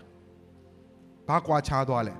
အာပေးစကားကိုကြားရခြင်းနဲ့မကြားရခြင်းအရန်ကွာတယ်အာပေးစကားကိုကြားရခြင်းကတိုးတက်မှုကိုဖြစ်စေတယ်ပြောင်းလဲမှုကိုဖြစ်စေတယ် တိဆောက်ခြင်းကိုဖြစ်စေတယ်ဒါကြောင့်သင်ရဲ့အလုတ်ထဲမှာသင်ရလက်ကောင်းတွေတွေ့ကျင်နေဆိုရင်သင်ကိုယ်တိုင်သင်ကိုယ်သင်အားပေးတတ်ဖို့လိုအပ်တယ်လို့ကိုဘေးနားမှာရှိတဲ့သူတွေကိုလည်းအားပေးတတ်ဖို့လိုအပ်တယ်ညီကောင်မောင်မတို့ကျမ်းစာမှာတွေ့ရတဲ့ဘာနဘကအဲ့လိုလူမျိုးဖြစ်တယ်သူရဲ့နာမည်ကဘာနဘဆိုတဲ့နာမည်က son of encouragement တက်တာစေတော်သူတဲ့ကျမ်းစာထဲမှာဘာသာပြန်တာဓာတ်ရိုက်ဘာသာပြန်မယ်ဆိုရင်တော့အားပေးတတ်တော်သူပေါ့အားပေးတတ်တော်သူ သူ့မှာနာကျင်စရာအများကြီးရှိတယ်အထင်သေးခံရတာအများကြီးရှိတယ်ရှင်ပေါလုနဲ့သူရန်ဖြစ်တဲ့အချိန်တွေကြုံရတယ်ကြည်ကွဲစရာတွေအများကြီးကြုံရတယ်ဒါပေမဲ့သူ့ကိုယ်သူအားပေးတတ်တယ်ကျွန်တော်တို့ပြိုလဲရခြင်းအကြောင်းရင်းကဘာလဲဆိုရင်စိတ်တက်ကြခြင်းအကြောင်းရင်းကဘာလဲဆိုကိုကိုကိုအားမပေးတတ်ဘူးကိုယ့်ရဲ့ emotion ရလွှမ်းမိုးမှုခံရတယ်ကျွန်တော်လေ့လာကြည့်တဲ့အခါမှာစိတ်ပြက်ဆုံးအချိန်တွေမှာပြန်ပြီးနလန်ထူနိုင်ဖို့ဆိုရင်တဲ့ talk to your emotions သင်ရဲ့ emotion ကို ပြန်ပြီးစကားပြောပါကိုကိုပြန်ပြီးအားပေးဖို့လိုတယ်ဒါကြောင့် silence ဆရာကြီးအိုးငါဝိညာဉ်ထောင်ပြောက်ကိုကောင်းကြည့်ပြီးလို့ငါထဲမှာရှိရှိသမျှတို့တန်ရှင်းသောနာမတော်ကောင်းကြည့်ပေးကြတော့ဂျေစုတော်အပေါင်းကိုမမေ့မလျော့နဲ့ကိုကိုကိုပြန်အားပေးရတယ်ပြန်တိဆောက်ရတယ်ဟေးငါဝိညာဉ်ကဒီလိုငြိမ်သက်နေရမှာမဟုတ်ဒီလိုညှိုးငယ်နေရမှာမဟုတ်ဘူးငါဝိညာဉ်ကလန်းဆန်းသောဝိညာဉ်ဖြစ်တယ်အားပြည့်သောဝိညာဉ်ဖြစ်တယ်ဟာလေလုယာအိုးဖခင်ရဲ့အမှုကိုကြီးစွာဆောင်မဲ့သူဖြစ်တယ်ငါကရွှေလင်းအောင်ကဲ့သို့သောသူဖြစ်တယ်တောင်းမဲ့အသစ်ပြုပြင်ခံရသောသူဖြစ်တယ် အားပေးခြင်းရှိတဲ့ခါမှာညီကောင်မောင်မတို့ကိုအားရှိမှသူတစ်ပါးကိုဆွဲထုတ်နိုင်မှာမဟုတ်ဘူးလားကိုကိုတိုင်ကအားပြောပြီးပြိုလဲနေဆိုဘယ်လိုလုပ်သူတစ်ပါးကိုဆွဲထုတ်နိုင်မှာလဲအဲ့တော့တင့်ကိုတင်အားမပေးတတ်ဘူးဆိုသူတစ်ပါးကိုလည်းတင်အားမပေးတတ်ဘူးဒါကြောင့်သူတစ်ပါးကိုအားပေးတတ်ဖို့ဘယ်ကစလဲကိုကိုတိုင်အားပေးတတ်ရတယ်ဘာနဘကအဲ့လိုအားပေးတတ်တော်သူဖြစ်တဲ့သူကိုသူအဲ့တော့ပြီးတော့သူ့ဘေးနားမှာရှိတဲ့ပေါ်လူအရန်အထင်သေးခဲ့တဲ့လူရဲ့အမြင်မှာပြောညံ့တဲ့သူသုံးစားမရတဲ့သူလို့ထင်တဲ့လုကာယောဟန်မာကုလေး sorry ယောဟန်မာကုလေးကို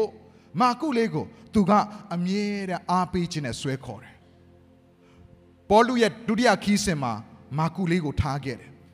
မာကုကိုခေါ်ဖို့ခေါ်ဖို့စူးစမ်းတဲ့ဘာနဘနဲ့ပေါလုကလမ်းခွဲလိုက်တယ်အဲ့ကစပြီးပေါလုနဲ့ဘာနဘ sorry ဘာနဘနဲ့မာကုအကြောင်းကိုကျမ်းစာထဲမှာတိတ်မတွေ့ရတော့ပျောက်ကွယ်သွားတယ်လို့ဖြစ်သွားတယ်ဒါပေမဲ့တစ်ချိန်မှာပြန်ပြီးတွေ့လာရတယ်အဲ့ချိန်ရောက်လာတဲ့ခါမှာတော့မာကုလေးကအယမ်းတော်တဲ့သင်ကြားတဲ့နေရာမှာအယမ်းတော်တဲ့ဆရာဖြစ်နေပြီ ပေါလုကအဲ့ဒါကိုသွားပြီးတွေ့မြင်မိတယ်ဟာဒီတယောက်အရန်တော်တာပဲသင်ကြားတဲ့နေရာမှာအကယ်၍သာ तू ကငါနဲ့လာပူပေါင်းပြီးငါတို့အတူတူကအလုပ်လုပ်မယ်ဆိုရင်အမှုဆောင်မယ်ဆိုရင်ငါရဲ့အမှုတော်မြတ်ငါတို့ရဲ့အမှုတော်မြတ်ကအရန်ကိုထိရောက်မှာပဲအဲ့တော့ကျေးဇူးပြုသူ့ကိုခေါ်ဖိတ်ပေးပါဆိုပြတလီတစားနဲ့မာကုကိုပြန်ခေါ်ဖိတ်ပေးရတယ်ဘာကြောင့်လဲမာကုအရန်တိုးတက်လာတယ်ပြောင်းလဲလာတယ်တက်ကြွလာတယ်ဆရာသမားဖြစ်လာအဲ့ကနေတစ်စင်မှာနောက်ဆုံးမှာပေါလုကိုတိုင်ကငါရဲ့လှုပ်ဖော်ဆောင်ပဲငါရဲ့ partner လို့ခေါ်ရတယ်သူနဲ့တဒန်းတဲ့ အထင်ကြီးလေးစားဂုဏ်ပြုခြင်းကိုခံရတမန်တော်တွေပင်လျင်လေးစားဂုဏ်ပြုခြင်းခံရတဲ့ငယ်ရွယ်ပေမဲ့အင်မတန်ထက်မြက်တဲ့ဆရာသမားတစ်ယောက်ဖြစ်လာတယ်။နောက်အာဖရိကတိုင်းနိုင်ငံကိုပထမဦးဆုံးသာသနာပြုတဲ့အသင်းတော် Alexandria Church of Alexandria ကိုအာဖရိကတိုင်းနိုင်ငံမှာတည်ထောင်တဲ့သာသနာပြုဆရာတစ်ယောက်ဖြစ်နေဖြစ်လာတဲ့မာကူကဘယ်သူစီကစလဲအားပေးတတ်တော်သူတည်ယူတော်ဘာနဘာရဲ့အားပေးခြင်းစကားကြောင့်ဖြစ်တယ် ညီကောင်မတို့သင်ရဲ့လုပ်ငန်းဆိုးရွားနေပြီဆိုတော့ဒီထက်ဆိုးရွားစရာအကြောင်းမရှိတော့ဘူးလေအဲ့တော့ဒီဆိုးရွားခြင်းကိုသင်ဆက်ပြီးဆိုးရွားစေမှာလားဒီထက်ပိုကောင်းအောင်သင်လုပ်မှာလားသင်ဆုံးဖြတ်ပါပို့ပြီးကောင်းစေခြင်းနဲ့ဆိုရင်ပြစ်တင်တဲ့အရာတွေရက်လိုက်သင်ရဲ့ဇနီးတဲ့ပြောင်းလဲစေခြင်းလားပြစ်တင်တဲ့စကားရက်လိုက်သင်ရဲ့ခင်မွန်းတဲ့ပြောင်းလဲစေခြင်းလားပြစ်တင်နေတဲ့စကားတွေရက်လိုက်စပြီးတိဆောက်သောစကားကိုပြောပါကောင်းချီးပေးတဲ့စကားကိုပြောပါအားပေးတဲ့စကားကိုပြောပါ သူ့ရဲ့ဆူတောင်းတဲ့9မိနစ်စာလေးဆူတောင်းတဲ့ဆူတောင်းနိုင်တဲ့အတွက်ယေရှုတင်ကြောင်းပြောပါအားပေးပါသူဖះเจ้าတစ်ချိန်လောက်တက်နိုင်လားတစ်လမှတစ်ချိန်ပဲတက်အဲ့တစ်ချိန်လေးတက်တာကို appreciate လုပ်ပါအားပေးပါသူလှုပ်ဆောင်လိုက်တဲ့အရာခတ်သိမ်းအတွက်သင် appreciate လုပ်တဲ့အားပေးတဲ့ encourage ပေးတယ်ဆိုရင်သင်ရဲ့အိမ်မက်တွေကတနေ့တခြားတနေ့တခြားတနေ့တခြားပြည့်စုံလာမှာဖြစ်တယ်ဟာလေလုယာဒါကြောင့်ဖခင်ခင်ရှေ့မှာမှာသင်ရတဲ့အိမ်မက်တွေရှိလိမ့်မယ်တချို့ကအဲ့အိမ်မက်တွေရပြီမအဲ့အိမ်မက်ကြီးတိုင်းပဲတစ်နေ့လာလဲတစ်နှစ်လာလဲဘာမှထူးမလားနှစ်နှစ်လာလဲဘာမှထူးမလားဘာကြောင့်လဲ အားပေးခြင်းတွေကတိုးတက်ခြင်းစီးထွက်လာတယ်ဒါကြောင့်အားပေးတတ်တော်သူဖြစ်ပါစေအာမင်ဟာလေလုယာဒီနေ့ညီကောင်မတို့မှောင်မိုက်ကိုကြည့်ပြီးချိန်ဆဲမလားဒါမှမဟုတ်ရင်မှောင်မိုက်ထဲမှာတင်းရဲ့အလင်းကိုထွန်းလင်းပြီးတော့အဲ့ဒီအလင်းကိုကူးဆက်စေတော်သူဖြစ်မလားတင်ရွေးချယ်မှာဖြစ်တယ်အခုချိန်ကာလမှာဆိုးရွားတဲ့အချိန်ကိုကျွန်တော်တို့ကြုံတွေ့နေရပါတယ်ခဲရင်တဲ့အချိန်ကာလကိုကြုံတွေ့နေရပါတယ်ဒါပေမဲ့အဲ့ဒီနေရာမှာကျွန်တော်တို့က ဆွဲထူမဆာတော်သူတွေဖြစ်ပါစေအာမင်ကောင်းချီးပေးတော်သူဖြစ်ပါစေဒီနေ့သင်ရဲ့အသက်တာပေါ်မှာအားပေးတတ်ခြင်းနဲ့မျိုးဆက်သစ်တွေကိုဆွဲထူတဲ့နေရမိရဲ့ပိတ်သိတက်ရောက်ပါစေသင်ရဲ့အသက်တာထဲမှာအားပေးတတ်ခြင်းနဲ့ပြိုပြတ်မှုတွေကိုပြုပြင်နိုင်သောနေရမိပိတ်သိသင်ရဲ့အသက်တာသင်ရဲ့မိသားစုပေါ်မှာတက်ရောက်ပါစေအာမင်ဘုရားကအလုံးလုံးနေဆိုနေရမိမြင်တယ်အဲ့ဒါကိုတခြားသူတွေမတွေ့ဘူးဒါပေမဲ့ तू တွေ့မြင်တဲ့အခါမှာဘုရားခင်ကစပြီးအလုံးလုံးနေမှတော့ ငါတို့ကဘာကြောင့်ထိုင်ပြီးညှိတွားနေမှာလဲထပြီးအတူတူကဘုရားခင်လှုပ်တဲ့အမှုရာတွေမှာအတူတူကလက်တွဲပြီးလှုပ်ဆောင်ရအောင်ဘုရားခင်ကောင်နဲ့အတူအလုံးလုံးနေတယ်ညီကောင်မောင်မတို့သင်ကိုသင်အားပေးခြင်းနဲ့ဘေးကလူကအားပေးတတ်ခြင်းဘယ်ထဲကလာတက်လဲဖျားခင်သင်ရဲ့အသက်တာသင်ရဲ့မိသားစုသင်ရဲ့အလုပ်ကိုင်းထဲမှာအလုတ်လုံနေတယ်ဆိုတော့ကိုမြင်တွေ့လာတယ်ဆိုရင်သင်ကအားပေးတတ်တော်သူဖြစ်လာလိမ့်မယ်ဒါကြောင့်သင်ရဲ့ဝိညာဉ်မျက်စိများပွင့်ဖို့ဘုရားခင်ထူကောင်းကြည့်ပေးပါစေဖျားမှုပြုခြင်းနဲ့မှာသင် အမှန်တကယ်ရှိနေကြောင်းကိုဖော်ပြဖို့လိုအပ်တယ်အင်္ဂလိပ်စကားနဲ့ပြောမယ်ဆိုရင်ဒီစကားလုံးလေးကပိုကောင်းတယ် show up ဖော်ပြတာအဲ့ဒါကိုဘယ်နေရာမှာတွေ့ရလဲဆိုရင်ကျွန်တော်တို့ကျောင်းသင်ခန်းစာတွေစာသင်ခန်းတွေထဲမှာ roll call ဆိုတာရှိတယ်အကုန်လုံးကျောင်းသားတွေစုံလားစာသင်ဖို့ရန်အတွက်အစင်းသင်းဖြစ်နေပြီလားဆိုတာသိဖို့ရန်အတွက်စကားပြောနေကြမယ်စော့နေကြမယ်လှုပ်ချင်တာတွေလှုပ်နေကြလိမ့်မယ်ဒါပေမဲ့ attention အားလုံးက သင်ကြားရေးစီကိုရောက်လာဖို့ရန်အတွက် roll call ခေါ်ရတယ်မောင်ဘသူရှိပါသလားရှိပါတယ်ကျွန်တော်ရှိပါတယ်ဆိုတဲ့အရာပေါ့နော် I'm present ရှိပါတယ်អော်ပေးရတယ် roll call နဲ့တူတယ်ထိုနေ့လောက်မှညီကိုမောင်မတို့ဖျားခင်ကသင်ရဲ့အိမ်မက်တွေကိုပြီးပြီးတော့ ထူခြားတဲ့အရာက လောကကရတဲ့သင်ရဲ့အထက်ကထွက်လာတဲ့အိမ်မက်တွေကသင်ကိုယ်တိုင်သင်ရဲ့လက်နဲ့ခြေနဲ့တိဆောက်ပြီးတော့မှကြာချုံရင်လည်းကြာရှုံခြင်းတန်ကိုခံရမယ်အောင်မြင်လည်းအောင်မြင်ခြင်းကောင်းအခြေအနေကိုခံစားရမယ်ဒါပေမဲ့ပင်ပန်းကြီးစွာနဲ့ကိုယ့်ရဲ့လက်ကိုယ့်ရဲ့ခြေနဲ့လှုပ်ဆောင်ရပြီမဲ့ဖျားပေးတဲ့အိမ်မက်တွေကဖျားကိုယ်တိုင်အမြဲတိဆောက်ပေးလို့ရှိတယ်ဟာလေလုယာဒါကြောင့်အဲ့ဒီဖျားပေးတဲ့အိမ်မက်ကိုရတော့သူကအယံပေါ်ပါတဲ့ ဝင်တင်ခြင်းတော့ခံစားရတယ်ငိုကြွေးခြင်းတွေတော့ရှိတယ်ဒါပေမဲ့အလုတ်လုတ်တဲ့ခါမှာဉာဏ်ပညာတွေရလာတယ်တိုးတက်ခြင်းတွေကိုမြင်တွေ့လာရတယ်အားပြည့်ခြင်းတွေကိုခံစားလာရတယ်ကိုယ်အစွမ်းတတိကြောင့်မဟုတ်ဘူးဆိုတော့တာရွတာရွနားလေလာရတယ်ဘာကြောင့်လဲဖျားလက်တော်ကအယံထင်ရှားလွန်းတယ်ဒါကြောင့်အဲ့ဒီဖျားလက်တော်ရောက်လာတဲ့ထင်ရှားလာတဲ့ဖျားပေးတဲ့အိမ်မက်ဖျားပြုစုနေတဲ့အရာတဲမှာတင့်အနေနဲ့ပါဝင်ဖို့တော့ရွေးချယ်ပေးရတယ်။တင်းနေနဲ့ဘာလုပ်ပေးရလဲ။ ပါဝင်ဖို့ရန်အတွက်ရွေးချယ်ရတယ်။ဒီနေရာလေးမှာလေ့လာရင်းနဲ့ကျွန်တော်ဒါလေးတစ်ခုကိုသွားပြီးတတိထားမိတယ်။သဘောလဲကျတယ်။နော်အာနေရမိအခန်းကြီး3ရောက်လာတဲ့အခါမှာမြို့ရိုးကိုစပြီးတော့မှတိုးတကားကနေစတည်တယ်။ပြီးတော့ငါးတကားမြို့ရိုးကိုတည်တဲ့အခါမှာတကားပေါက်အာဣသရေလတိုင်းနိုင်ငံမှာ12ပေါက်ရှိတယ်။ဒါပေမဲ့နေရမိတိဆောက်တဲ့တကားပေါက်ကတော့10ပေါက်ရှိတယ်။သူခင်မှာနေရမိတိဆောက်တဲ့10ပေါက်မှာသူတကားကနေစတယ် ပြီးမှငါးတကားပြီးမှဆက်ပြီးတကားတွေတကားတွေလာအဲ့ဒီနေရာမှာသူ့ရဲ့တကားလိုက်သူ့ရဲ့နော်အာဘယ်လိုခေါ်မလဲ area လိုက်အကန့်လိုက်အကန့်လိုက်နေရာဒေသလိုက်ဥဆောင်ဥရဲ့ပြုတ်ရတဲ့လှုပ်ဆောင်ရတဲ့သူတွေရှိတယ်အဲ့လိုလှုပ်ဆောင်ရတဲ့သူတွေကိုကြည့်တဲ့အခါမှာအဖေအဖိုးအဖေသားမြေးတိပါဝင်ပြီးအလုပ်လုပ်တယ်ဆိုတော့တွေ့ရတယ်ကြည့်နော်နေရမိက တက်ကြွနားလေတဲ့သူတွေ scale ဖြစ်တဲ့သူလောက်နဲ့အလုပ်လုပ်တာမဟုတ်ဘူးအဖိုးအဖေသားမြေးထိပါတဲ့မျိုးနွယ်လိုက်အလုတ်လုတ်တက်ဖို့ရန်အတွက်နှိုးဆော်နိုင်တော်သူတယောက်ဖြစ်တယ်။တနည်းအားဖြင့်သူ့ရဲ့အိမ်မက်တွေကိုမျိုးရိုးစီကိုလက်ဆင့်ကမ်းပေးတတ်တော်သူဖြစ်တယ်။ဒါကိုအပိုင်းသုံးထဲမှာအထူးသဖြင့်ကျွန်တော်ပြောပါမယ်။ဒီနေရာမှာဘာတွေ့ရတယ်လဲဆိုတော့ သူအဲ့လိုလှုပ်ဆောင်တဲ့အခါမှာဘသူတွေကဘယ်နေရာကိုလှုပ်ဆောင်ကြတယ်တာဝန်ယူကြတယ်ဘသူရဲ့သားဘသူရဲ့မြေးဘသူရဲ့အဖေစသဖြင့်ဒါတွေကိုမှတ်တမ်းတင်ထားတယ်အငငယ်ငါရောက်လာတော့အခန်းကြီး3အငငယ်ငါရောက်လာတော့ထူးခြားတဲ့အရာတခုတွေ့လာရတယ်ဒါလေးကိုဖတ်ရသူနောက်မှတေကောမြို့သားတို့သည်ပြင်ကြ၏တို့ရတွင်တေကောမင်းတို့သည်မိမိတို့၏အရှင်၏အမှုကိုဝိုင်းညီ၍မပြုကြတေကောမင်းတို့ကတဲ့မိမိတို့အရှင်တနည်းအားဖြင့်နေဟမိ သူတို့ဟိုတကယ်အခွင့်အာဏာအမြင့်ဆုံးသောပါရှန်အင်ပါယာရဲ့ခွင့်အာဏာကြီးနဲ့ရောက်လာတဲ့နေရမိသူတို့ရဲ့အရှင်ဖြစ်တယ်သူတို့ရဲ့ lord ဖြစ်တယ်သူတို့ရဲ့ဥဆောင်တော်သူဖြစ်တယ်သူတို့ရဲ့ဥဆောင်တော်သူခေါင်းဆောင်တော်သူလောက်တဲ့အမှုရာတဲမှာမဖော်ပြမလာဘူးတနည်းအားဖြင့်ဒါပေမဲ့သူ့ရဲ့မြို့သူမြို့သားတေကောမြို့သူမြို့သားတွေကဝိုင်းဝန်းလှုပ်ဆောင်တယ်ဒါပေမဲ့အဲ့မြို့ရဲ့အုတ်ချုပ်သောမင်းတွေအင်္ဂလိပ်ကျမ်းစာထဲမှာ Nobel လို့သုံးထားတယ် ရှင်ဘီရင်ခင်းကိုသုံးထားတာမဟုတ်ရှင်ဘီရင်တော့မဟုတ်ဘူးသို့တော်လည်းမြို့သားတွေပေါ့မြို့ရဲ့အာနာပိုင်တွေပေါ့ယာထုယာကန်ရှိတဲ့သူတွေပေါ့လေးစားရတဲ့သူတွေပေါ့သူတို့ကတော့ဝိုင်းဝန်းပြီးလှုပ်ဆောင်ရအမှုရာတွေမှာပေါ်မလာဘူးဘာကြောင့်ပေါ်မလာလဲဆိုတော့ကျန်းစာကမရေးထားပေမဲ့အလုတ်မလုတ်တဲ့သူနာမည်စင်းတွေတော့ပေါ်လာတယ်သူတို့ကသူတို့အရင်မြင့်မြတ်တယ်လို့ခံစားပြီးဒီပယံအလုတ်အာဒီအုတ်ခဲတဲ့တဲ့အလုတ်နော်ဘီလက်မြေဖြော်တဲ့အလုတ် အဲ့ဒီလာကိုလှုပ်ဖို့ငါတို့အစင်တန်းနဲ့ဆိုဟာအဲ့ဒါကြီးကတော့အရန်တိတ်လုံးပါတယ်လို့များတွေးလာမသိဘူးသူတို့ရောက်မလာကြဘူးဒါပေမဲ့သူ့ရဲ့မြို့သူမြို့သားတွေကတော့ဝိုင်းဝန်းကိုညီပြီးတော့မှလှုပ်ဆောင်ကြတယ်နေအမိကသူတို့မလာတဲ့အတွက်ကြောင့်သူတို့အတွက်လည်းအချိန်ကုန်မခံဘူး။အော်ငါတော့ခေါ်တယ်မင်းတို့မလာဘူးဟုတ်လား။ဘာကြောင့်မလာလဲလောက်ပါအောင်ပြောပါအောင်လာခဲ့လာခဲ့အစည်းအဝေးလာခဲ့ပါအောင်။မင်းတို့ငါဖိတ်ခေါ်ပြီးစကားပြောချင်တယ်မလုပ်ဘူးအချိန်ကုန်နဲ့။ဟာလေလုယာ။ကျွန်တော်ရဲ့အသက်တာမှာတစ်ခါတည်းမှာနော်သူတို့ဘာဝိုင်းကူပြီးတော့မှမလုပ်တတ်ဘူးမလုပ်လာဘူးကုညီမပေးဘူးဆိုရင် မှတ်ထားတာတီးထားတာအေးတွေ့ကြအောင်မယ်တနေ့ကျရင်တော့အေး तू လုပ်တဲ့ခါကျငါလည်းမကူညီဘူးအဲ့လိုလေးတွေရှိတတ်တဲ့နေအမိကအဲ့အတွက်အချင်းမကုန်အဲ့တော့တီကောင်းမင်းတွေပေါ်မလာဘာကြောင့်လဲသူတို့ကသူတို့အရင်မြင့်မြတ်တယ်လို့ထင်ကောင်းထင်လိမ့်မယ်ညီကောင်မတို့သင်ဘလောက်အရေးချင်းရှိရှိဘလောက်ငွေကြေးရှိဘလောက်ပဲတက်ကြွနားနဲ့နားလဲဖျားပြုစုသောအမှုရာဖျားလှုပ်ဆောင်နေတဲ့အမှုတော်မြတ်ထဲမှာသင်မပါဝင်လာဘူးဆိုရင်သင်ကရှုံးတော်သူဖြစ်တယ်သင်ကရှုံးတော်သူဖြစ်တယ် လောကမှာအောင်မြင်ကောင်းအောင်မြင်လိမ့်မယ်နာမည်ကြီးကောင်းနာမည်ကြီးတယ်ဒါပေမဲ့ဖျားရဲ့ဘုန်းတော်ဖျားရဲ့မှတ်တမ်းထဲမှာအလုတ်မလုတ်တော့နာမည်စင်းပဲသင်ဝင်သွားလိမ့်မယ်လူတိုင်းနာမည်စင်းဝင်တယ်နော်ဒီနေရာမှာကြည့်တဲ့အခါမှာအခန်းကြီး9အခန်းကြီး3ထဲမှာနာမည်စင်းအကုန်ပါတဲ့အလုတ်လုတ်တဲ့နာမည်စင်းအများကြီးထဲမှာအလုတ်မလုတ်တဲ့နာမည်စင်းကလည်းပါလာတယ်ဆိုတော့တွေ့ရတယ်ထိုနည်း၎င်းပဲညီကောင်မတို့ဖျားရဲ့မှတ်တမ်းထဲမှာလည်းပဲဘသူကတော့ငါရဲ့အမှုတော်မြတ်ထဲမှာတက်ကြွစွာပါဝင်နေပြီးဘသူကတော့ခေါင်းရှောင်နေတယ်ဆိုတော့ဖျားမှတ်တမ်းထဲမှာရှိတယ်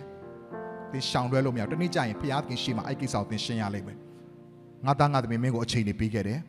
အခွင့်အရေးတွေပေးခဲ့တယ်မင်းရဲ့အလုပ်ကိုငါကောင်းချီးပေးခဲ့တယ်မင်းရဲ့မိသားစုကောင်းချီးပေးခဲ့တယ်မင်းကိုပညာတွေအများကြီးရစေဖို့ငါသင်သင်ဖို့အခွင့်အရေးတွေပေးခဲ့တယ်သူများမရတဲ့အခွင့်အရေးတွေမင်းရဲ့လက်ထဲမှာထည့်ပေးခဲ့တယ်ဒါပေမဲ့အဲ့ဒီအပြင်ငါရဲ့အမှုတော်မြတ်ထဲမှာမင်းဘာအသုံးချခဲ့တယ်လဲ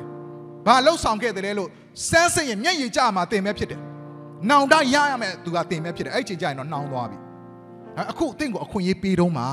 သင်တက်ကြွနားလေထားတယ်သင်ရထားတဲ့သင်သိထားတဲ့သင်ရှိနေတဲ့အစွမ်းတတိငွေကြေးတွေနဲ့ဖခင်ရဲ့အမှုတော်ထဲမှာအချိန်ရှိတော့မှပါဝင်တော်သူဖြစ်ဖို့ဘုရားသခင်ထူကောင်းကြီးပေးပါစေအာမင်ဖခင်ရဲ့အမှုတော်မြတ်ဆိုတာကလူယူရတဲ့ကောင်းကြီးမင်္ဂလာဖြစ်တယ်အဲ့ဒီအမှုတော်မြတ်ထဲမှာပါဝင်ရတာလောက်ကောင်းကြီးဖြစ်တာမရှိဘူးဝမ်းသာစရာကောင်းတာမရှိဘူး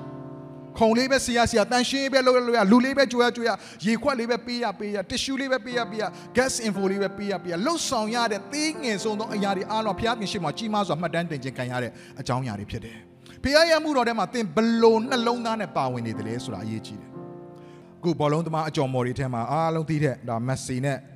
ရိုနယ်ဒိုကတော့ခြံထားလို့မရတဲ့နော်ဟီးရိုတွေပေါ့နော်ကျွန်တော်ကတော့ရိုနယ်ဒိုပိုကြိုက်တယ်နော်မက်ဆီတော့သဘောကျပါတယ်ရိုနယ်ဒိုကတော့ပိုကြိုက်တယ်ဒါပေမဲ့မက်ဆီဖန်တွေလည်းရှိနိုင်ပါတယ် နော်ကျွန်တော်လည်းရန်ဖြစ်ချင်ဖြစ်လို့ရပါတယ်ကိစ္စမရှိဘူးကျွန်တော်ကတော့ Ronaldo ပဲတိုကြီးပဲနော်တိုလေးပဲအာ CR7 ပဲအဲ့တော့ Ronaldo တို့ Messi တို့ဘလောက်ပဲ skate ဖြစ်ဖြစ်ဘလောက်ပဲတော်တော်သူတို့ကန်ရမယ့်ပြိုင်ပွဲတွေမတိုင်ခင်မှာလောက်ရတဲ့ training တွေရှိတယ် coach က training တွေမှာလေ့ကျင့်ခိုင်းတယ်အဲ့တော့လေ့ကျင့်လေ့ကျင့်ခန်းလုပ်ဖို့ရတဲ့မနက်စောကြီးလာရတယ်ပြီးရင်ညနေကျရင်ပြန်ရတယ် တနေ့ကုန်တနေ့ခန့်လေ့ကျင့်နေရတဲ့အချိန်မှာသူတို့နှစ်ယောက်ကလေ့ကျင့်ကန်လာမစင်မငါတို့ကဆရာကြီးတွေငါတို့ကတကယ်ပဲချိန်မဲ့ထားကန်ထားကန်ဂိုးတစ်လုံးနှလုံးကအသာလေးသွင်းနိုင်တယ်ငါတို့ကအရန်စကေဘူးဖြစ်နေပြီသားငါတို့ကငါတို့လေ့ကျင့်ထားလဲနှစ်ပေါင်းများစွာကြာနေပြီဆိုတော့ဒီတပွဲလောက်ကတော့အေးဆေးပါဆိုပြီးနေလို့မရဘူးဘလောက်သေးတဲ့ပွဲဒီပဲဖြစ်ဖြစ်နာမည်ကြီး အသင်းတွေနဲ့ကန်ရတာဖြစ်ဖြစ်အနိုင်ဆုံးဇရားအောင်မှာအနိုင်ဆုံးအသင်းတွေပဲကန်ရတာဖြစ်ပလေစေအဲ့ဒီမကန်ခင်မှာလေ့ကျင့်ခြင်းအချိန်တွေမှာသူတို့ကအမြဲတမ်း present ရှိလို့ရ present ရှိပြီးနေရတယ် absent လို့လို့မရဘူးပြက်ကွက်လို့မရဘူးတရက်လည်းပြက်ကွက်နှစ်ရက်လည်းပြက်ကွက်သုံးရက်လည်းပြက်ကွက်လေ့ကျင့်ကံမစင်ဘူးဆိုဘယ်လောက်ပဲနာမည်ကြီးကြီး coach ကတကယ်ကန်တော့မဲ့အချိန်မှာသူတို့ကိုထားခဲ့ရတယ်။ဘာကြောင့်လဲအသင်းရဲ့ထက်မှာပဲကစားသမားမှရှိလို့မရ။သူတို့ဘယ်လောက်ပဲအရေးချင်းပြေးဝပြေးဝလေ့ကျင့်ကံမှာပြက်ကွက်တယ်ရောက်မလာဘူးဆိုရင် ပြိုင်ပွဲထဲမှာနာမည်ကြီးပွဲမှာတကယ်အကောင်းဆုံးပွဲတွေထဲမှာသူတို့ကိုထည့်သွင်းလို့မရဘူး။ထိုနေ့ကမှညီကောင်မတို့ဖျားခင်ပြင်ဆင်နေတဲ့အလှပဆုံးသောဘုံတော်ထင်ရှားကြမှုတော်မြတ်ထဲမှာဖျားခေါ်နေပေမဲ့သင်ကအမြဲတမ်း absent ဖြစ်နေအာဒါတက်တိခံပါလားမခံသေးပါဘူးဆူတောင်းဥဆောင်ပေးပါလားမဥဆောင်ပါဘူးခဏလောက်ဒီအတွက်ကျေးဇူးတော်ချင်ပါကျွန်မကိုမခိုင်းပါနဲ့ကျွန်တော်မခိုင်းပါနဲ့အမြဲတမ်းညင်းဆိုနေတဲ့ absent ဖြစ်နေတယ်ဆိုတေချာပေါက်သင်အပြည့်ဘယ်တော့မှဘုံတော်ထင်ရှားခြင်းဖြစ်မလာဘူး တကယ်ပြိုင်ပွဲတွေတကယ်တကယ်လှုပ်ဆောင်ရမယ့်အမှုတော်မြတ်ထဲမှာဖျားသင်ကိုမတုံဘူးဘာကြောင့်လဲသင်အမြဲတမ်းပြက်ကွက်နေလို့အဲ့တော့ကျွန်တော်တို့ကဖျားအမှုတော်ထဲမှာပါဝင်ရတာကကျွန်တော်တို့အတွက်ထူးခြားသောအခွင့်အရေးဖြစ်တယ်ဆိုတော့နားလည်ပြီးတော့မှ ဘုရားခင်ပြင်ဆင်တဲ့ training ground ထဲမှာဘုရားခင်ပြင်ဆင်တဲ့အိမ်မက်ကိုရောက်ပြီးရင်သင်ကိုချိုးဖဲ့ခြင်းတွေကိုသင်ဝန်ခံမယ်။နော်သင်ကိုနှိမ်ချခိုင်းတဲ့အခါမှာသင်နှိမ်ချမယ်။သင်ရင်ကိုလေ့ကျင့်ပြင်ဆင်ခိုင်းတာတွေရှိမယ်။ပြုပြင်ခိုင်းတဲ့အမှုရာတွေရှိလိမ့်မယ်။အဲ့ဒါအားလုံးကို training ground မှာသင်လေ့ကျင့်ပြင်ဆင်နေဆိုရင်တကယ်ပြိုင်ပွဲမှာလှပတင့်တယ်ဆိုတော့ဘုရားကပွဲထုတ်လို့ရသွားပြီ။ဒီနေ့တစ်ချိန်ကျရင်ဘုရားကတင်းရဲ့အစွမ်းစားတွေနဲ့လှုပ်ဆောင်နေရဒီလိုမပြောဘူးတာရုသစ္စာရှိသောနာမည်ကြီးအဆိုတော်ကြီး တာရုသစ္စာရှိသောဘီလီယံနာတထေးကြီးတာရုသစ္စာရှိသော social influencer ကြီးတာရုသစ္စာရှိတဲ့ဟာအသင်းတော်ကြီးကိုပိုင်ဆိုင်တဲ့သင်းဥဆရာကြီးတာရုသစ္စာရှိတဲ့တထေးကြီးလို့ဘုရားကင်ဖို့မတက်ဘူးဘုရားဘာပဲပြောမယ်သိလားတာရုသစ္စာရှိသောငယ်သားကောင် servant တင်ပါတင်ဘာကောင်ကြီးပဲဖြစ်နေဖြစ်နေဘလောက်ကြွယ်ဝချမ်းသာချမ်းသာဘာတွေပဲယာတုရှိရှိဖခင်ကဘာပဲစိတ်ဝင်စားလဲ serve servant အစီခံနှလုံးသားနဲ့အမှုတော်မြတ်ထဲမှာပါဝင်တော်သူကိုပဲဘုရားသခင်ကချီးကျူးဂုဏ်ပြုချီးမြှောက်ခြင်းခံစားမှာဖြစ်တယ်ဟာလေလုယထိုရာကိုရရှိဖို့ဘုရားသခင်တို့အထူးပဲကောင်းချီးပေးပါစေဒါကြောင့်နာမည်ကြီးဖို့ထက်အိုးဘာတွေတက်ဖို့ထက်ဘယ်လိုမျိုးဖြစ်လာဖို့ထက်ငါဘုရားသခင်ရှေ့မှာမှာတာတုသစ္စာရှိသောငယ်သားကောင်း7ဖြစ်ပြီလားစဉ်းစားပါတခါဒီမှာသင်က too big to serve အစေခံဖို့အရန်ကြီးနေတတ်တယ်အဲ့ဒါဆိုရင်ဘာဖြစ်လဲသိလား too small to lead ကိုကိုအရန်ကြီးနေတော့ထွင်ရင်ဥဆောင်နေနေမှာတေးသေးလေးပဲဥဆောင်နိုင်လိမ့်မယ်အစေခံဖို့ကိုကိုကိုတေးကြီးလုံးနေလို့ခံစားရင်သင်ဥဆောင်တဲ့ခါမှာတေးသေးလေးပဲဥဆောင်နိုင်လိမ့်မယ်ခေါင်းဆောင်ကောင်းဖြစ်ဖို့ဆိုတာနောက်လိုက်ကောင်းအရင်ဖြစ်ရတယ်အရင်သင်ယူရတယ်အရင်အစေခံရတယ်ဘုရားကတဆင်ချင်းချီးမြှောက်သွားတဲ့ခါမှာကြီးမားတဲ့ခေါင်းဆောင်ဖြစ်လာတယ်တခါမှသင်က too rich to serve အစီခံဖို့အရန်ကြွယ်ဝချမ်းသာလွန်းနေတယ်အဲ့ဒီအဆင့်တော့တော့ငါဝင်မကြီးရောမှအစီမခံချင်ဘူးလို့မာနာတခွဲသားဖြစ်တယ်ဆိုရင်သင်က too poor to lead ဥဆောင်တဲ့နေရာမှာဆင်းရဲစွာနဲ့ဥဆောင်ရလိမ့်မယ်ဒါကြောင့်ဒီနေ့နားလဲပါဘုရားသခင်ကအစီခံနှလုံးသားရှိတော်သူတွေကိုရှားပါတယ်ဆရာကြီးတွေကိုမရှာဘူးပညာတတ်တော်သူတွေကိုအရှက်ရစီကိုပညာမဲ့တွေကိုရှာတယ်တဲ့ကျမ်းစာထဲမှာ ဒါကြောင့်သင်အနေနဲ့သင်ညာထားတဲ့အစွမ်းတတိကဖျားခင်ဘုံတော်အတွက်ဖြစ်တယ်ဆိုတော့နားလေသဘောပေါက်ပြီးအဲ့ဒီຢာကိုဖျားလက်ထက်မှာအပ်ပြီးဖျားတီဆောက်နေတဲ့အိမ်မက်ထဲမှာကျွန်တော်ဒီမှာရှိပါတယ်ကျွန်တော်ကိုသုံးပါလို့ present show up သင်လုပ်တယ်ဆိုရင်သင်ကဘုရားခင်ပြင်ဆင်တဲ့ line up ထဲမှာသင်ပါလာမှာဖြစ်တယ်ဟာလေလုယပွဲထုတ်ခြင်းထဲမှာသင်ပါလာမှာချီးမြှောက်ခြင်းထဲမှာသင်ပါလာမှာဂုဏ်ပြုခြင်းထဲမှာသင်ပါလာမှာတကားတွေဖွင့်ခြင်းထဲမှာသင်ပါလာမှာဖြစ်တယ်ဟာလေလုယဒါကြောင့်ယနေ့မှာဘုရားခင်ရှေ့တော်မှာမမိရတဲ့တော်ပြင်ဆင်ရအောင်နံပါတ်၄ချက် အိမ်မက်တွေအကောင့်တွေပေါ်ဖို့ချစ်ချင်းမေတ္တာထဲမှာစီလုံးစွာနေပါအိမ်မက်တွေကဒူးကောင်းတယောက်ကောင်းနဲ့ဘယ်တော့မှဘုရားခင်မပေးဘူးကိုဘေးနာမှာရှိတဲ့သူတွေကိုလက်တွဲပြီးသွားခိုင်းတာဖြစ်တဲ့အတွက်ကြောင့်အိမ်မက်တွေအကောင့်တွေပေါ်ဖို့ဆိုရင်ချစ်ချင်းမေတ္တာထဲမှာစီလုံးညင်ညွတ်ခြင်းရှိနေတော့သူတွေကပဲအိမ်မက်တွေကိုရပါတယ်အိမ်မက်တွေကိုအကောင့်တွေပေါ်နိုင်ပါတယ်ကျွန်တော်ပြောပြချင်တဲ့ညီကောင်မောင်မတို့စာတန်ကလေ ကြီးမားတဲ့အသင်းတော်တွေကိုမကြောက်ဘူးစာရန်ကလူအယမ်းများတဲ့အသင်းသူအသင်းသားတွေအယမ်းများတဲ့အသင်းတော်ကြီးတွေကိုမကြောက်ဘူးစာရန်ကအယမ်းခန္ဓာထဲဝါတဲ့ခန္ဓာထဲဝါတဲ့အသင်းတော်အဆောင်အုပ်ကြီးရှိထားတဲ့အသင်းတော်တွေကိုမကြောက်ဘူးသူကြောက်တဲ့အရာတစ်ခုတော့ရှိတယ်အဲ့ဒါကစီလုံးညီညွတ်သောအသင်းတော်ကိုသူကြောက်တယ်အာမင်စာရန်ကကြွယ်ဝချမ်းသာတဲ့မိသားစုတွေကိုမကြောက်ဘူး စာတန်ကပညာအရန်တက်တဲ့သူတွေရှိနေတဲ့မိသားစုကိုမကြောက်ဘူး။ तू ကြောက်တဲ့မိသားစုကတော့ချစ်ချင်းမြတ်တာတွေမှာစီလုံးညင်ညွတ်နေတဲ့မိသားစုတော့ तू အရန်ကြောက်တယ်။စာတန်အကြောက်ဆုံးကချစ်ချင်းမြတ်တာတွေမှာစီလုံးညင်ညွတ်ခြင်းဖြစ်တယ်။ဒါကြောင့်ခမည်းတော်သားတော်တန်ရှင်တော်ဝိညာဉ်တော်သုံးပါးတစ်လုံးတစ်ဝါတည်းသောဘုရားကချစ်ချင်းမြတ်တာတွေမှာပေါင်းစည်းတဲ့အခါမှာလှပတော့ဖန်ဆင်းခြင်းတွေပေါ်ထွက်လာတယ်။လှပတော့အကြံစီတွေပေါ်ထွက်လာတယ်။ချစ်ချင်းမြတ်တာကပဲလှပတော့အိမ်မက်တွေကိုပေါ်ထုတ်နိုင်တာဖြစ်တယ်။ဒါကြောင့်သင်ရဲ့အသက်တာထဲမှာသင်ရဲ့အိမ်မက်ကိုရောက်ချင်နေဆိုရင် သင်တူကောင်းတယောက်ကောင်းဘယ်တော့မှမသွားနဲ့မြန်မြန်ရောက်ချင်တယောက်တည်းသွားပါတဲ့အဝေးကြီးရောက်ချင်ရင်အုပ်စုလိုက်သွားပါဒီစကားပုံလေးရှိတယ်ဒါကြောင့်ညီကောင်မမသင်ရဲ့ဘေးနားမှာရှိနေတဲ့သူတွေဘုရားခင်ပို့ဆောင်လာတဲ့ခါမှာသူတို့ကိုတန်ဖိုးထားဖို့လိုတယ်သူတို့ကိုချစ်ချင်းမြတ်တာနဲ့ကိုညီဖေးမဖို့လိုတယ်လက်တွဲဖို့လိုတယ်စာနဲ့ခိုးယူခြင်းတဲ့အရာကစီလုံးညီညွတ်ခြင်းဖြစ်တယ်အသင်းတော်တစ်ပါးမှာစာနဲ့ခိုးယူစရာအများကြီးမရှိဘူး တစ်ခုလေးပဲဆွဲထုတ်လိုက်မိသားစုထဲမှာလုပ်ငန်းတွေထဲမှာညီကိုမောင်နှမတွေကြားထဲမှာမိဘနဲ့သားသမီးကြားထဲမှာအသင်းတော်ရဲ့အသင်းအုပ်ဆရာတွေကြားထဲမှာအမှုတော်ဆောင်တွေကြားထဲမှာအသင်းသူအသင်းသားတွေကြားထဲမှာစာနဲ့ဆွဲထုတ်လိုက်တဲ့အရာတစ်ခုပဲအဲ့ဒါပါလဲဆိုရင်စီလုံးညညွတ်ခြင်းအဲ့ဒါကိုဆွဲထုတ်နိုင်ဖို့ဘာထည့်ပေးလဲဆိုမနာလိုခြင်းထည့်ပေးလိုက်တယ်ညီကိုမောင်နှမချင်းချင်းမနာလိုဘူးအလိုသမားချင်းချင်းမနာလိုဘူးအမှုတော်ဆောင်ချင်းချင်းသူ့ထက်ငါပိုတရားဟောကောင်းတယ်ငါကသူ့ထက်ပိုတရားဟောကောင်းတယ် Face on worship leader ချင်းချင်း မနာလိုတွေဖြစ်လာတယ်ကိုထက်ပို့ပြီးသူကဥဆောင်တာလူတွေမြောက်များစွာမျက်ရည်တွေကျပြီးဒူးတွေထောက်ပြီးတော့မှမျက်မျက်မှောက်တော့ခံစားဆိုအထဲမှာကစ်ချီကစ်ချီဖြစ်တယ်အထဲနော်အရန်ကိုခံစားရခဲ့တယ်ဟာသူငါထက်ပိုကောင်းအောင်ဥဆောင်သွားနိုင်ပြီငါငါလှည့်ကြငါပိုကောင်းအောင်ဥဆောင်နိုင်ရမယ်မနာလိုစိတ်ဖြစ်လာခြင်းကစီလုံးညဉ့်ညွတ်မှုကိုပြိုကွဲသွားစေတယ်ဒါဒါကြောင့်မိသားစုတွေထဲမှာအဖွဲ့အစည်းတွေထဲမှာအသင်းတော်တွေထဲမှာမနာလိုခြင်းဆိုတဲ့အရာလေးထည့်လိုက်တဲ့အခါမှာအတင်းပြောခြင်းတွေရောက်လာပြီးတော့အသင်းတော်ကအစိတ်စိတ်မောင်မောင်ပြိုကွဲသွားတယ်အဲ့ချိန်မှာစာတန်နိုင်သွားပြီ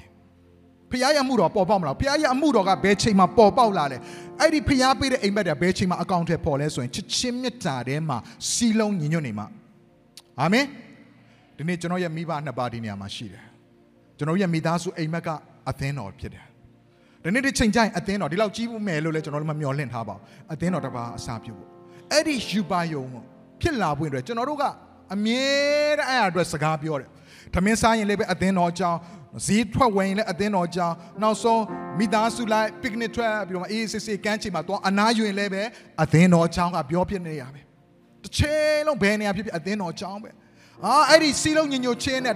one vision one heart ဒါပဲရှိနေတဲ့အခါမှာနောက်ဆုံးမှာဘုရားသခင်ဒီမိသားစုရဲ့လက်ထဲမှာဝိညာဉ်ကောင်းကြီးမင်္ဂလာတွေကိုအပ်ပေးလာတာပဲ။ဘယ်ကနေစလဲမိသားစုရဲ့ one vision one heart စီလုံးညညိုချင်းမေတ္တာက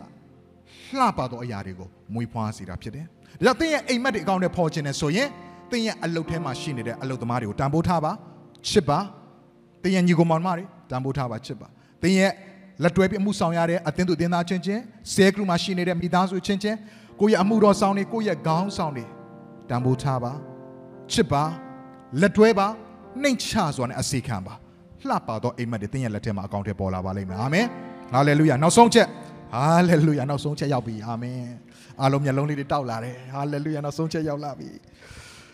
အိမ်မက်တွေတိစောင့်နေချိန်မှာဘေးကအတန်တွေစီအာယုံလွဲမသွားပါနဲ့သင်ရဲ့အိမ်မက်တွေကိုတိစောင့်နေတဲ့ချိန်မှာ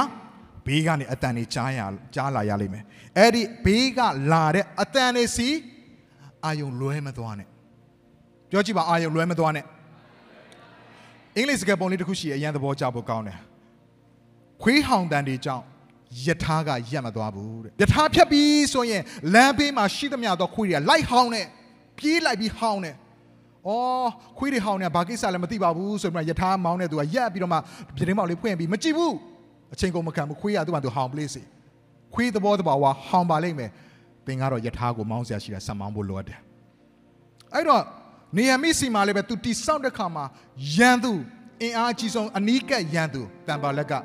စံဘောလက်ကရောက်လာတယ်တန်ဘောလက်ကရောက်လာပြီးတော့မှသူ့ကိုလာပြီးတွေ့ဆုံပြီးတော့မှလှောင်ပြောင်းတယ်အဲ့တော့၃ချိန်လာတွေ့တယ်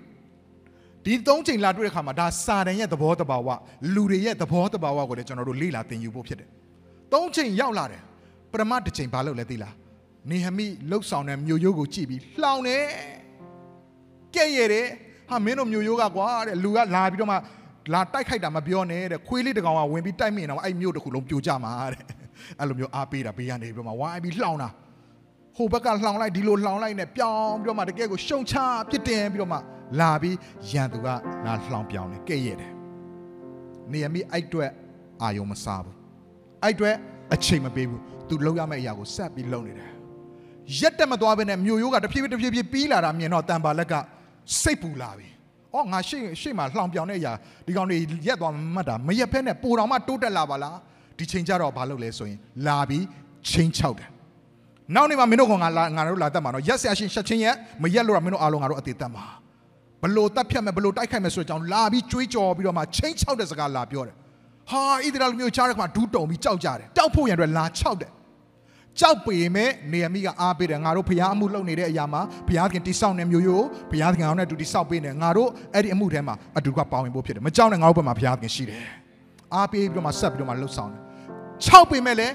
မကြောက်ဖဲနဲ့အလောက်ကတနေ့တခြားပြီးလာတဲ့ခါမှာဒီဖွဲ့တွေကလှောင်ရင်လည်းပဲရက်မသွားဘူးကဲ့ရင်လည်းရက်မသွားဘူးခြောက်ရင်လည်းပဲရက်မသွားဘူးရှုံချရင်လည်းရက်မသွားဘူးကြောက်အောင်ခြောက်လည်းပဲသူတို့မရက်သွားဘူး အဲ့တော့မဖြစ်တော့ဘူးဒီဖွဲ့တွေမကြခင်အလုပ်ပြီးစီတော့မှငါတို့သွားပြီးညှိနှိုင်းမယ်ရန်သူရဲ့လက်နဲ့တတရလက်နဲ့ကပါလဲဆိုညှိနှိုင်းခြင်းဖြစ်တယ်အစင်ပြေအောင်ကောင်းကြီးလေးပေးလိုက်တယ်ဖရားရဲ့ထဲမှာတောက်လောင်တဲ့စိတ်သဘောတွေခိုးယူဖို့ကြိုးစားတယ်ညှိနှိုင်းတယ်ညီကောင်မ compromise လို့ခေါ်တယ်အပေးယူလုပ်ဖို့ရန်အတွက်ညှိနှိုင်းတယ်ဝိညာဉ်ရဲ့မှာတကယ်ထက်မြက်တဲ့သူတွေအားကြီးတဲ့သူတွေ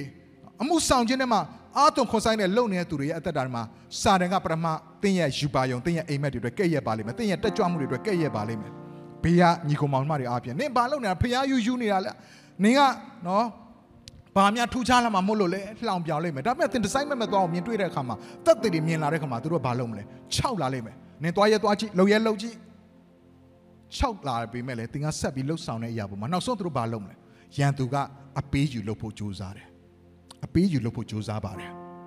ညှိနှိုင်းဖို့ကြိုးစားတယ်လာခဲ့ပါတဲ့အော်နော်ချိုင်တဲ့လာခဲ့ပါမင်းနဲ့ငါနဲ့စကားပြောရအောင်အတူကညှိနှိုင်းရင်မကောင်းဘူးလားဆိုပြီးတော့မှနေရမိကိုလေးလေးစားစားနဲ့ဖိတ်ခေါ်လာတယ်လေးစားတရားပြုတာပေါ့အကယ်၍သာနေရမိဆင်းသွားကြည့်နေရမိကိုတတ်လိုက်ပြီးမှအဲ့လုပ်ငန်းကဆက်သွားလို့ရအောင်မဟုတ်ဘူးအဲ့ချိန်မှာနေရမိပြောတဲ့စကားလေးအရန်ကောင်းတယ်နေရမိအခန်းကြီး6အငယ်3ကိုကျွန်တော်တို့အတူကဖတ်ရအောင်ငါကလည်းငါသည်ကြီးတော်မှုကိုဆောင်ရွက်ရသောကြောင့် မစင်မလာနိုင်ထိုမှုကိုမဆောင်ရွက်ပဲသင်တို့ရှိရသောဆင်းသွား၍အဘဲကြအမှုပြည့်ရမည်နည်းဟုတမန်တော်တို့ကိုစေလွတ်၍ပြန်ပြော၏ဒီစကားလေးကိုအရန်သဘောကျတယ်ငါသည်ကြီးသောအမှုကိုဆောင်ရွက်ရသောကြောင့်နေအမိသူလှုပ်ဆောင်တဲ့အမှုရာကကြီးသောအမှုရာလို့သူမြင်တယ်ယခုသင်လှုပ်စင်တဲ့လှုပ်ဆောင်တဲ့အရာပေါ်မှာသင်ကကြီးသောအမှုရာလို့သင်မြင်သလား ဝေဇာလေးပေးရတဲ့ရောက်သင်ကြီးသောအမှုရာလို့မြင်သလားခုံလေးစီတဲ့ရောက်သင်ကြီးသောအမှုပြုနေတယ်လို့သင်မြင်သလားလူတွေကိုနှုတ်ဆက်ရလူတွေကိုဆူတောင်းပေးရတာကိုကြီးသောအမှုရာလို့သင်မြင်သလားနေရမိကတော့ तू လှုပ်တဲ့အရာပေါ်မှာငါကကြီးသောအမှုကိုပြုတော်သူဖြစ်တယ်လို့မြင်တယ်ဟာလေလုယာအဲ့ဒါကယန်သူကိုအောင်နိုင်ခြင်းဖြစ်တဲ့ညီကိုမောင်မတို့တခါတည်းမှာကျွန်တော်တို့က short ထွက်တယ်အော်ငါကစုလေးပဲတောင်းတက်တာငါကတော့ပေးကမ်းခြင်းနဲ့ပဲပါဝင်တက်တာ ငါကတော့နောက်ကနေပံ့ပိုးတာလောက်ပဲရတာငါကတော့မိဖို့ကြောင့်တဲမှာချက်ပြုတ်ခြင်းနဲ့ပဲပါဝင်နိုင်တာကိုကိုကိုလှုပ်ဆောင်တဲ့အရာလေးကိုတင်းငယ်သောအရာကိုပဲလှုပ်ဆောင်နိုင်တယ်လို့ကျွန်တော်တို့ထင်ပြီးပြောဆိုတတ်တယ်တကယ်တော့သင်လှုပ်ဆောင်တဲ့အရာမှန်သမျှကဘေးအရာကမှဘုရားခင်ရှိမှမှာတေးသေးလေးမဖြစ်ပါဘူးကြီးမားသောအမှုရာကိုသင်ကဝိုင်းကူလှုပ်ဆောင်နေတာဖြစ်တယ်အာမင်သင်ကကြီးသောအမှုရာကိုပြုနေတော်သူဖြစ်တယ်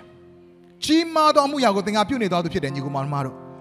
အဲ့တို့ကြောင့်အဲ့လိုကြီးမားသောအမှုရာတွေစပြီးပြုတ်လာပြီဆိုတာကိုသင်မသိတော့လည်းပဲသင်ကသိတယ်လို့ထင်ပေမဲ့ရန်သူကတနေ့တစ်ချိန်ကျအဲ့ဒါကြီးကကြီးလာတော့မှာဒါကြောင့်ဖြိုချရအောင်တနေ့တစ်ချိန်ကျရင်ဒီခုနှစ်ယောက်စုလိုက်တဲ့အရာကလူထောင်နဲ့ချီမြို့တွေမှာရွာတွေမှာအသင်းတော်တွေမြောက်များစွာပေါ်လာမယ့်အကြောင်းအရာဖြစ်လာတော့မှာပဲငါတို့ဖြိုချရအောင်ကွဲပြားအောင်ငါတို့လုပ်ရအောင်ရန်သူအချိန်ချင်း the city အသင်းတော်ကိုဖြိုခွဲဖို့ကြိုးစားခဲ့တယ်ကဲရဲ့ချင်းတွေနဲ့ ပြစ်တင်ခြင်းတွေနဲ့2012 2012မှာအသင်းတော်စတယ်2013 2014မှာလှောင်ပြောင်ကဲ့ရတဲ့တန်တွေအများကြီးကြားတယ်။အော်ဒီကောင်လေးတွေဒီကလေးတွေကကောက်ရိုးမီးတွေပါဒီလူငယ်တွေကခဏတာနော်တက်ကြွတော့မဟုတ်လို့ပါခဏနေကြလဲကောက်ရိုးမီးလိုပဲသူ့အတူအရှူရှူပျောက်သွားမှာပါအထင်သေးတဲ့ပြောတဲ့စကားတွေကိုကျွန်တော်တို့ဘေးနားမှာရှိတဲ့ကျွန်တော်တို့ချစ်ရတဲ့အမှုတော်ဆောင်တွေစီကကြားရတယ်။ကြားရင်တော့ခံပြင်းစရာပဲဒေါသထွက်စရာပဲဝမ်းနည်းစရာပဲ။ဒါပေမဲ့ကျွန်တော်အဲ့အအတွက်ဂီယူမဆိုင်ဘူး။ဘုရားသခင်ခေါ်ဆောင်တဲ့လမ်းကိုဒီဇိုင်းမမတ်လိုက်တယ်။ ကွဲပြားစရာအကြောင်းအရာကြီးတစ်ခုပြီးတစ်ခုရောက်လာ2014 2015မှာအသင်းတော်ပြိုကွဲဖို့ရန်အတွက်ချင်းချောက်တဲ့စကားတွေရောက်လာတယ်။ဒါပေမဲ့ကျွန်တော်တို့ကိုယ့်ယထာကိုဆက်ပြီးမောင်းတယ်။ခဏလောက်ဘာများပြောနေပါလဲတကားလေးဖွင့်ပြီးမကြည့်ဘူး။ကိုရှောက်ရမယ်လဲဖျားခေါ်တဲ့အရာကိုထက်ချက်မကွာဆက်ပြီးလိုက်တယ်။ 2021 2022တကယ်နိုင်ငံပြောင်းလဲချိန်မှာအကြီးမားဆုံးအပြင်းထန်ဆုံးနှိပ်ကွမှုတွေတိုက်ခိုက်မှုတွေ Facebook ပေါ်ကပေါ်ပေါ်တင်တဲ့နာမည်တွေပါတက်ပြီးတော့အာရပါရဆဲဆိုတဲ့စကားတွေရောတချို့ကလည်းလာပြီးတော့မှဘာလုပ်ပြလိုက်မယ်ညာလုပ်ပြလိုက်မယ်ဆိုတဲ့ချိန်ချောက်တဲ့စကားတွေအများကြီးကျွန်တော်တို့ဘေးနာကပါပဲကျွန်တော်တို့ချစ်ရတဲ့သူတွေစီကနေကြားရပြန်တယ် ဝမ်းနေစရာအရန်ကောင်းတယ်ကျွန်တော်နှလုံးသားတွေအရန်ခြေခွဲရတာအော်ငါတို့ကချက်ပြီးပြုစုရတာငါတို့ကတော့သူတို့ကို view site ပြီးတော့မှတကယ်ကိုမြစ်တာနဲ့ဆွဲသွားတယ်အခုတော့ငါတို့ကိုဒီလိုမျိုးနာမည်တက်ပြီးတော့အဆက်ခွဲပြီးတော့ပြင်းပြင်းထန်ထန်ဝေဖန်ကဲ့ရဲ့နေပါလားမြင်ရတဲ့ခါမှာစိတ်မကောင်းဘူးဒါပေမဲ့အဲ့ဒီအတန်တွေကြောင့်ကျွန်တော်တို့သွားရမယ့်လမ်းကိုမရက်တန့်ခဲ့ဘူးကျွန်တော်တို့ယထာကိုကျွန်တော်ဆက်ပြီးခုံမောင်းနေတာပဲ သင်လည်းပဲသင်ရဲ့ယထာကိုခုံမောင်းဖို့လိုအပ်တယ်ဘယ်အတန်နဲ့မှသင်နောက်မလှည့်ပါနဲ့ဘယ်အတန်နဲ့မှဘေးကိုအာယုံလွှဲမသွားပါနဲ့ဖျားခေါ်တဲ့ခေါ်ခြင်းကိုဒီဇိုင်းမမတ်သင်ရဲ့အိမ်မက်တွေနောက်ကိုရဲရဲရဲလိုက်ပါဟာလေလုယအိမ်မက်တွေကိုခြေလန်းလန်းပါညီကောင်မောင်မတို့သင်ရဲ့အိမ်မက်ဘလောက်ပဲသေးပါလိမ့်စေသင်အိမ်မက်တွေကိုခြေလန်းလန်းပါဘေးနာကကဲ့ရဲ့တန်ချုံချောက်တန်အိုးလှောင်ပြောင်တဲ့တန်တွေစီကိုအာယုံလွှဲမသွားနဲ့သင်လုံးရမယ့်အရာကိုဒီဇိုင်းမမတ်လုပ်ပါအခုမြင်ရတဲ့ပိုင်းမြင်ရတဲ့အတိုင်းပဲဒီသင်တော့ဒီလိုအချိန်တွေဖြစ်လာဆက်ပြီးပို့ဆောင်မယ်ဆိုကျွန်တော်ယုံကြည်တယ်ဟာလေလုယ ကျွန်တော်ပြောပြခြင်းတယ်ကျွန်တော်ဆရာစောတိဟကျွန်တော်ဒါလေးနည်းနည်းနောက်ဆုံးအနေနဲ့ပြောပြခြင်းတယ်ဆရာစောတိဟရဲ့ခံယူချက်ကျွန်တော်ရဲ့ခံယူချက်အတူတူပဲဖြစ်ပါတယ်ကျွန်တော်တို့ခေါင်းဆောင်ရဲ့ခံယူချက်အထူးသဖြင့်ကျွန်တော်ညီကိုနှစ်ယောက်ဘုရားသခင်ခေါ်တာတဲ့ခေါ်ခြင်းကကိုကတဲ့အင်္ဂါနေ့ကလည်းပဲဆရာစောအဲကိုကတဲ့နော်တစ်ပတ်ကပဲဆရာစောလည်းပြောပါတယ်ဒီကိစ္စကျွန်တော်တို့ရဲ့ခေါ်ခြင်းကကျွန်တော်ကျွန်တော်ကျွန်တော်တို့ပေါ့နော် personally ကျွန်တော်အနေနဲ့ပြန်ပြောမယ်ဆိုရင်ကျွန်တော်တို့ခေါ်ခြင်းက တကယ်လဟာပြင်တရားဟောပွဲကြီးတွေလုပ်ပြီးတော့မှလူထောင်နဲ့ချီတောင်းနဲ့ချီအနာရောဂါတွေငြိမ်းပြီးတော့မှပြောင်းလဲပြီးတော့မှနာမည်ကြီးပြီးကဘာတွေပတ်ပြီးလိုက်ပြီးတရားဟောရတဲ့အမှုတော်ဆောင်ဖြစ်မှကျွန်တော်အောင်မြင်မယ်လို့ကျွန်တော်မတွေးဘူးကျွန်တော်ရဲ့ပန်းတိုင်မဟုတ်အဲ့ဒါကကျွန်တော်ရဲ့ပန်းတိုင်ကကဘာတွေပတ်ပြီးတော့မှလူတကာကဖိတ်ခေါ်ပြီး conference တွေအကြီးကြီးလုပ်ပြီးလာဟာပြင်တရားဟောပွဲတွေလုပ်ပြီးတော့မှ နိုင်ငံနဲ့အချီပြီးတော့မှသွားရတဲ့ခေါင်းဆောင်တယောက်အမှုတော်ဆောင်တယောက်နာမည်ကြီးတရားဟောဆရာတယောက်ဖြစ်လာခြင်းကကျွန်တော်ရဲ့အိမ်မက်မဟုတ်ကျွန်တော်ရဲ့ခေါ်ခြင်းမဟုတ်ဆရာစောတရားလည်းထုံနေလကောင်းပါပဲအဲ့ဒါတွေရရင်လည်းပဲဒါကျွန်တော်တို့ရဲ့အောင်မြင်ခြင်းလို့じゃငါအောင်မြင်တဲ့အမှုတော်ဆောင်ဖြစ်နေပြီလို့ကျွန်တော်မသတ်မှတ်တယ်လို့အဲ့ဒါတွေမရရင်လည်းငါကြာရှုံးနေပြီငါမအောင်မြင်ဘူးလို့ကိုကိုလည်းဘယ်တော့မှမတွေးဘူးကျွန်တော်တို့ရဲ့ခေါ်ခြင်းကရှင်းတယ် အဲ့ဒါဘာလဲဆိုတော့ကျွန်တော်တို့ကတူးကောင်းတယောက်ကောင်းနာမည်ကြီးဖို့ကျွန်တော်အသက်ရှင်တာမဟုတ်ဘူးကျွန်တော်တို့ရဲ့ဘေးနားကိုဘုရားခင်ပို့လိုက်တဲ့လူတွေရဲ့အသက်တာတိုးတက်အောင်မြင်လာပြီးကျွန်တော်တို့ထက်ပိုပြီးတော်တဲ့ကျွန်တော်တို့ထက်ပိုပြီးဘိတ်သိက်ပြေဝတယ်ကျွန်တော်တို့တက်ပို့ပြီးတရားဟောကောင်းတယ်ကျွန်တော်တို့တက်ပို့ပြီးလူတွေကိုချစ်နိုင်တယ်ဖခင်ရဲ့အမှုကိုပြုစုနိုင်တဲ့ခေါင်းဆောင်တွေမြောက်များဆိုတာမွေးထုတ်ဖို့ရတဲ့ကျွန်တော်တို့ခေါ်ထားတာဖြစ်တယ်ဒါကျွန်တော်ရဲ့ခေါ်ခြင်းပဲ ဒါကြောင့်လူ9ယောက်ရှိရှိအဲ့9ယောက်ကိုကျွန်တော်ပြုစုမှာပဲလူ10ယောက်ရှိရင်လည်းလူ10ယောက်ကိုကျွန်တော်ပြုစုမှာပဲလူ100ဖျားခင်ပေးအဲ့လူ100ကိုကျွန်တော်ပြုစုမှာလူ1000ဖျားခင်ပေးအဲ့လူ1000ကိုကျွန်တော်ရအောင်ပြုစုမှာပဲခေါင်းဆောင်တွေပေါ်ထွက်လာကိုကျွန်တော်ပြုစုမှာဒါကျွန်တော်ရဲ့ခေါ်ခြင်းတရားဟောစင်ပေါ်မှာနိုင်ငံတကာကသိအောင်ဟောနေရတဲ့အရာကကျွန်တော်ရဲ့အောင်မြင်ခြင်းမဟုတ်ဘူးအဲ့ဒါရရင်လည်းပဲဖះဖះဘုံတော်ထင်ရှားဖို့ပဲအဲ့ဒါမရရင်လည်းပဲကျွန်တော်တို့ဖះခင်ဘယ်နေရာမှာသုံးမယ်ဘယ်လိုသုံးမလဲဆိုကျွန်တော်သိထားပြီးသားဒါကြောင့်ညီကောင်မောင်တို့ကိုဘေးနားမှာရှိတဲ့ လူတွေကိုတိုးတက်စေဖို့အတွက်ကျွန်တော်တို့က step stone အနေနဲ့လှေကတစ်တည်အနေနဲ့ကျွန်တော်တို့ရဲ့ကြောကိုကုန်းပေးပြီးကျွန်တော်တို့ရဲ့ group ပေါ်ကနေတက်နှင်းပြီးတော့မှနောက်တဲ့တဆင့်ကိုရောက်သွားဖို့ရန်အတွက်ဖះခင်ကျွန်တော်တို့ခေါ်ထားတာဖြစ်တယ်ဒါကျွန်တော်ညီကိုနှစ်ယောက်ရဲ့အိမ်မက်ပဲဒါကြောင့် ဟာ तू ကတော့ငါထက်တိုးပို့ပြီးတရားဟောကောင်းသွားတယ်ငါရဲ့တပည့်က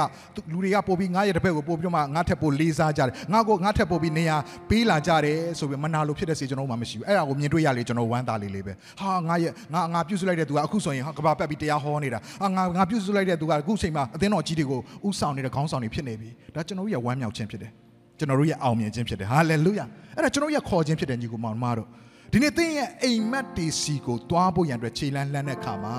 စိတ်တကြစရာအကြောင်းရတယ်ဝေဖန်ပြစ်တင်တဲ့ຢာတွေရှိတယ်ဆိုရင်သင်ဒါလေးကိုပြောထုတ်ဖို့လိုတယ်ငါပြုသောအမှုကကြီးသောအမှုဖြစ်တယ်အာမင်ဟာလေလုယာသင်လှုပ်ဆောင်နေတဲ့အမှုရဘလောက်သေးသေးဘုရားခင်ရှိမှမှာအဲ့ဒါအင်မတန်ကြီးမားတဲ့အမှုတော်မြတ်ဖြစ်တယ်ဆိုတော့သင်ဘုရားခင်မြင်တဲ့အတိုင်းသင်မြင်တတ်ပါစေဒါကြောင့်ကျွန်တော်တို့ကဝေခံပေးပါဦးကြီးမားတဲ့အိမ်မက်ငါမှရှိတယ် ပြန်ပြီးဝင်ခံရတော့ငါမှကြီးမားတဲ့အိမ်မက်တွေရှိတယ်ဒီကြီးမားတဲ့အိမ်မက်တွေကိုကြီးမြတ်သောဘုရားသခင်နဲ့အတူငါတီဆောက်နေတယ်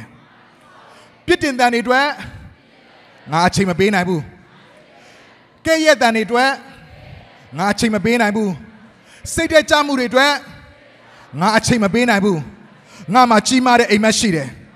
ငါမှစိတ်တဲ့ကြဖို့အချိန်မရှိဘူး ငါမှကြီးမားတဲ့အိမ်မက်ရှိတယ်တကယ်ကြီးမားတဲ့အိမ်မက်ရှိတဲ့အတန်နဲ့ဝန်ခံရငါမှကြီးမားတဲ့အိမ်မက်ရှိငါမှကြီးမားတဲ့အိမ်မက်ဆရာတက်တဲ့ဝန်ခံခိုင်းလို့ဒါအတင်းဖြစ်ညက်ပြီးအာဘယ်နာကအိမ်မက်လဲလိုက်ရှာပြီးတော့ငါမှကြီးမားတယ်ယုံကြည်ခြင်းနဲ့ဝန်ခံကြည့်ပါကြီးမားတဲ့အိမ်မက်ကိုသင်ရရှိမှာဖြစ်တယ်ဟာလေလုယာထပ်ပြီးဝန်ခံအောင်ငါမှကြီးမားတဲ့အိမ်မက်ရှိတယ်ဒီကြီးမားတဲ့အိမ်မက်ကိုကြီးမြတ်သောဘုရားခင်နဲ့အတူငါတီးဆောင်နေတယ် ဟာလေလုယာကောင်းမြတ်သောဘုရားလက်ခုပ်တီးပြီးမှချီးမွမ်းရသင်သွားတဲ့အိမ်မက်လမ်းကြောင်းမှာဘာကြောင့်မှမနှောင့်နေစေနဲ့ဘာကြောင့်မှအစီတာမဖြစ်စေနဲ့ဖခင်ရဲ့ခေါ်ခြင်းကိုဒီဇိုင်းမမတ်လိုက်ပါဖခင်ပေးတဲ့အိမ်မက်နောက်ကိုဆုံးရှုံးစရာတွေရှိနေရင်လည်းပဲရဲရဲရင်ရင်ခြေလန်းကြည့်ပါအိမ်မက်တွေကဝင်တင်ခြင်းနဲ့စတင်တယ်အိမ်မက်တွေစီရောက်ဖို့ သင်အားပေးတော်သူဖြစ်ဖို့လိုအပ်တယ်။အိမ်မက်တွေစီသွားဖို့ဖျားပြုစုတဲ့နေရာမှာသင်ကလိုက်ပါလာဖို့လိုအပ်တယ်။ဖျားခင်ပေးတဲ့အိမ်မက်တွေအကောင့်တွေပေါ်လာဖို့ချစ်ချင်းမြတ်တာထဲမှာစီးလုံးညညွတ်ချင်းနဲ့သင်တိဆောက်တတ်ဖို့လိုတယ်။ဖျားခင်ပေးတော့အိမ်မက်စီသွားတဲ့အခါမှာဘေးကလာတဲ့အတန်တွေစီကိုအာယုံမလွဲသွားဘဲနဲ့အိမ်မက်နောက်ကိုထက်ချက်မကွာရဲရဲရင်ရင်တတိရှိရှိ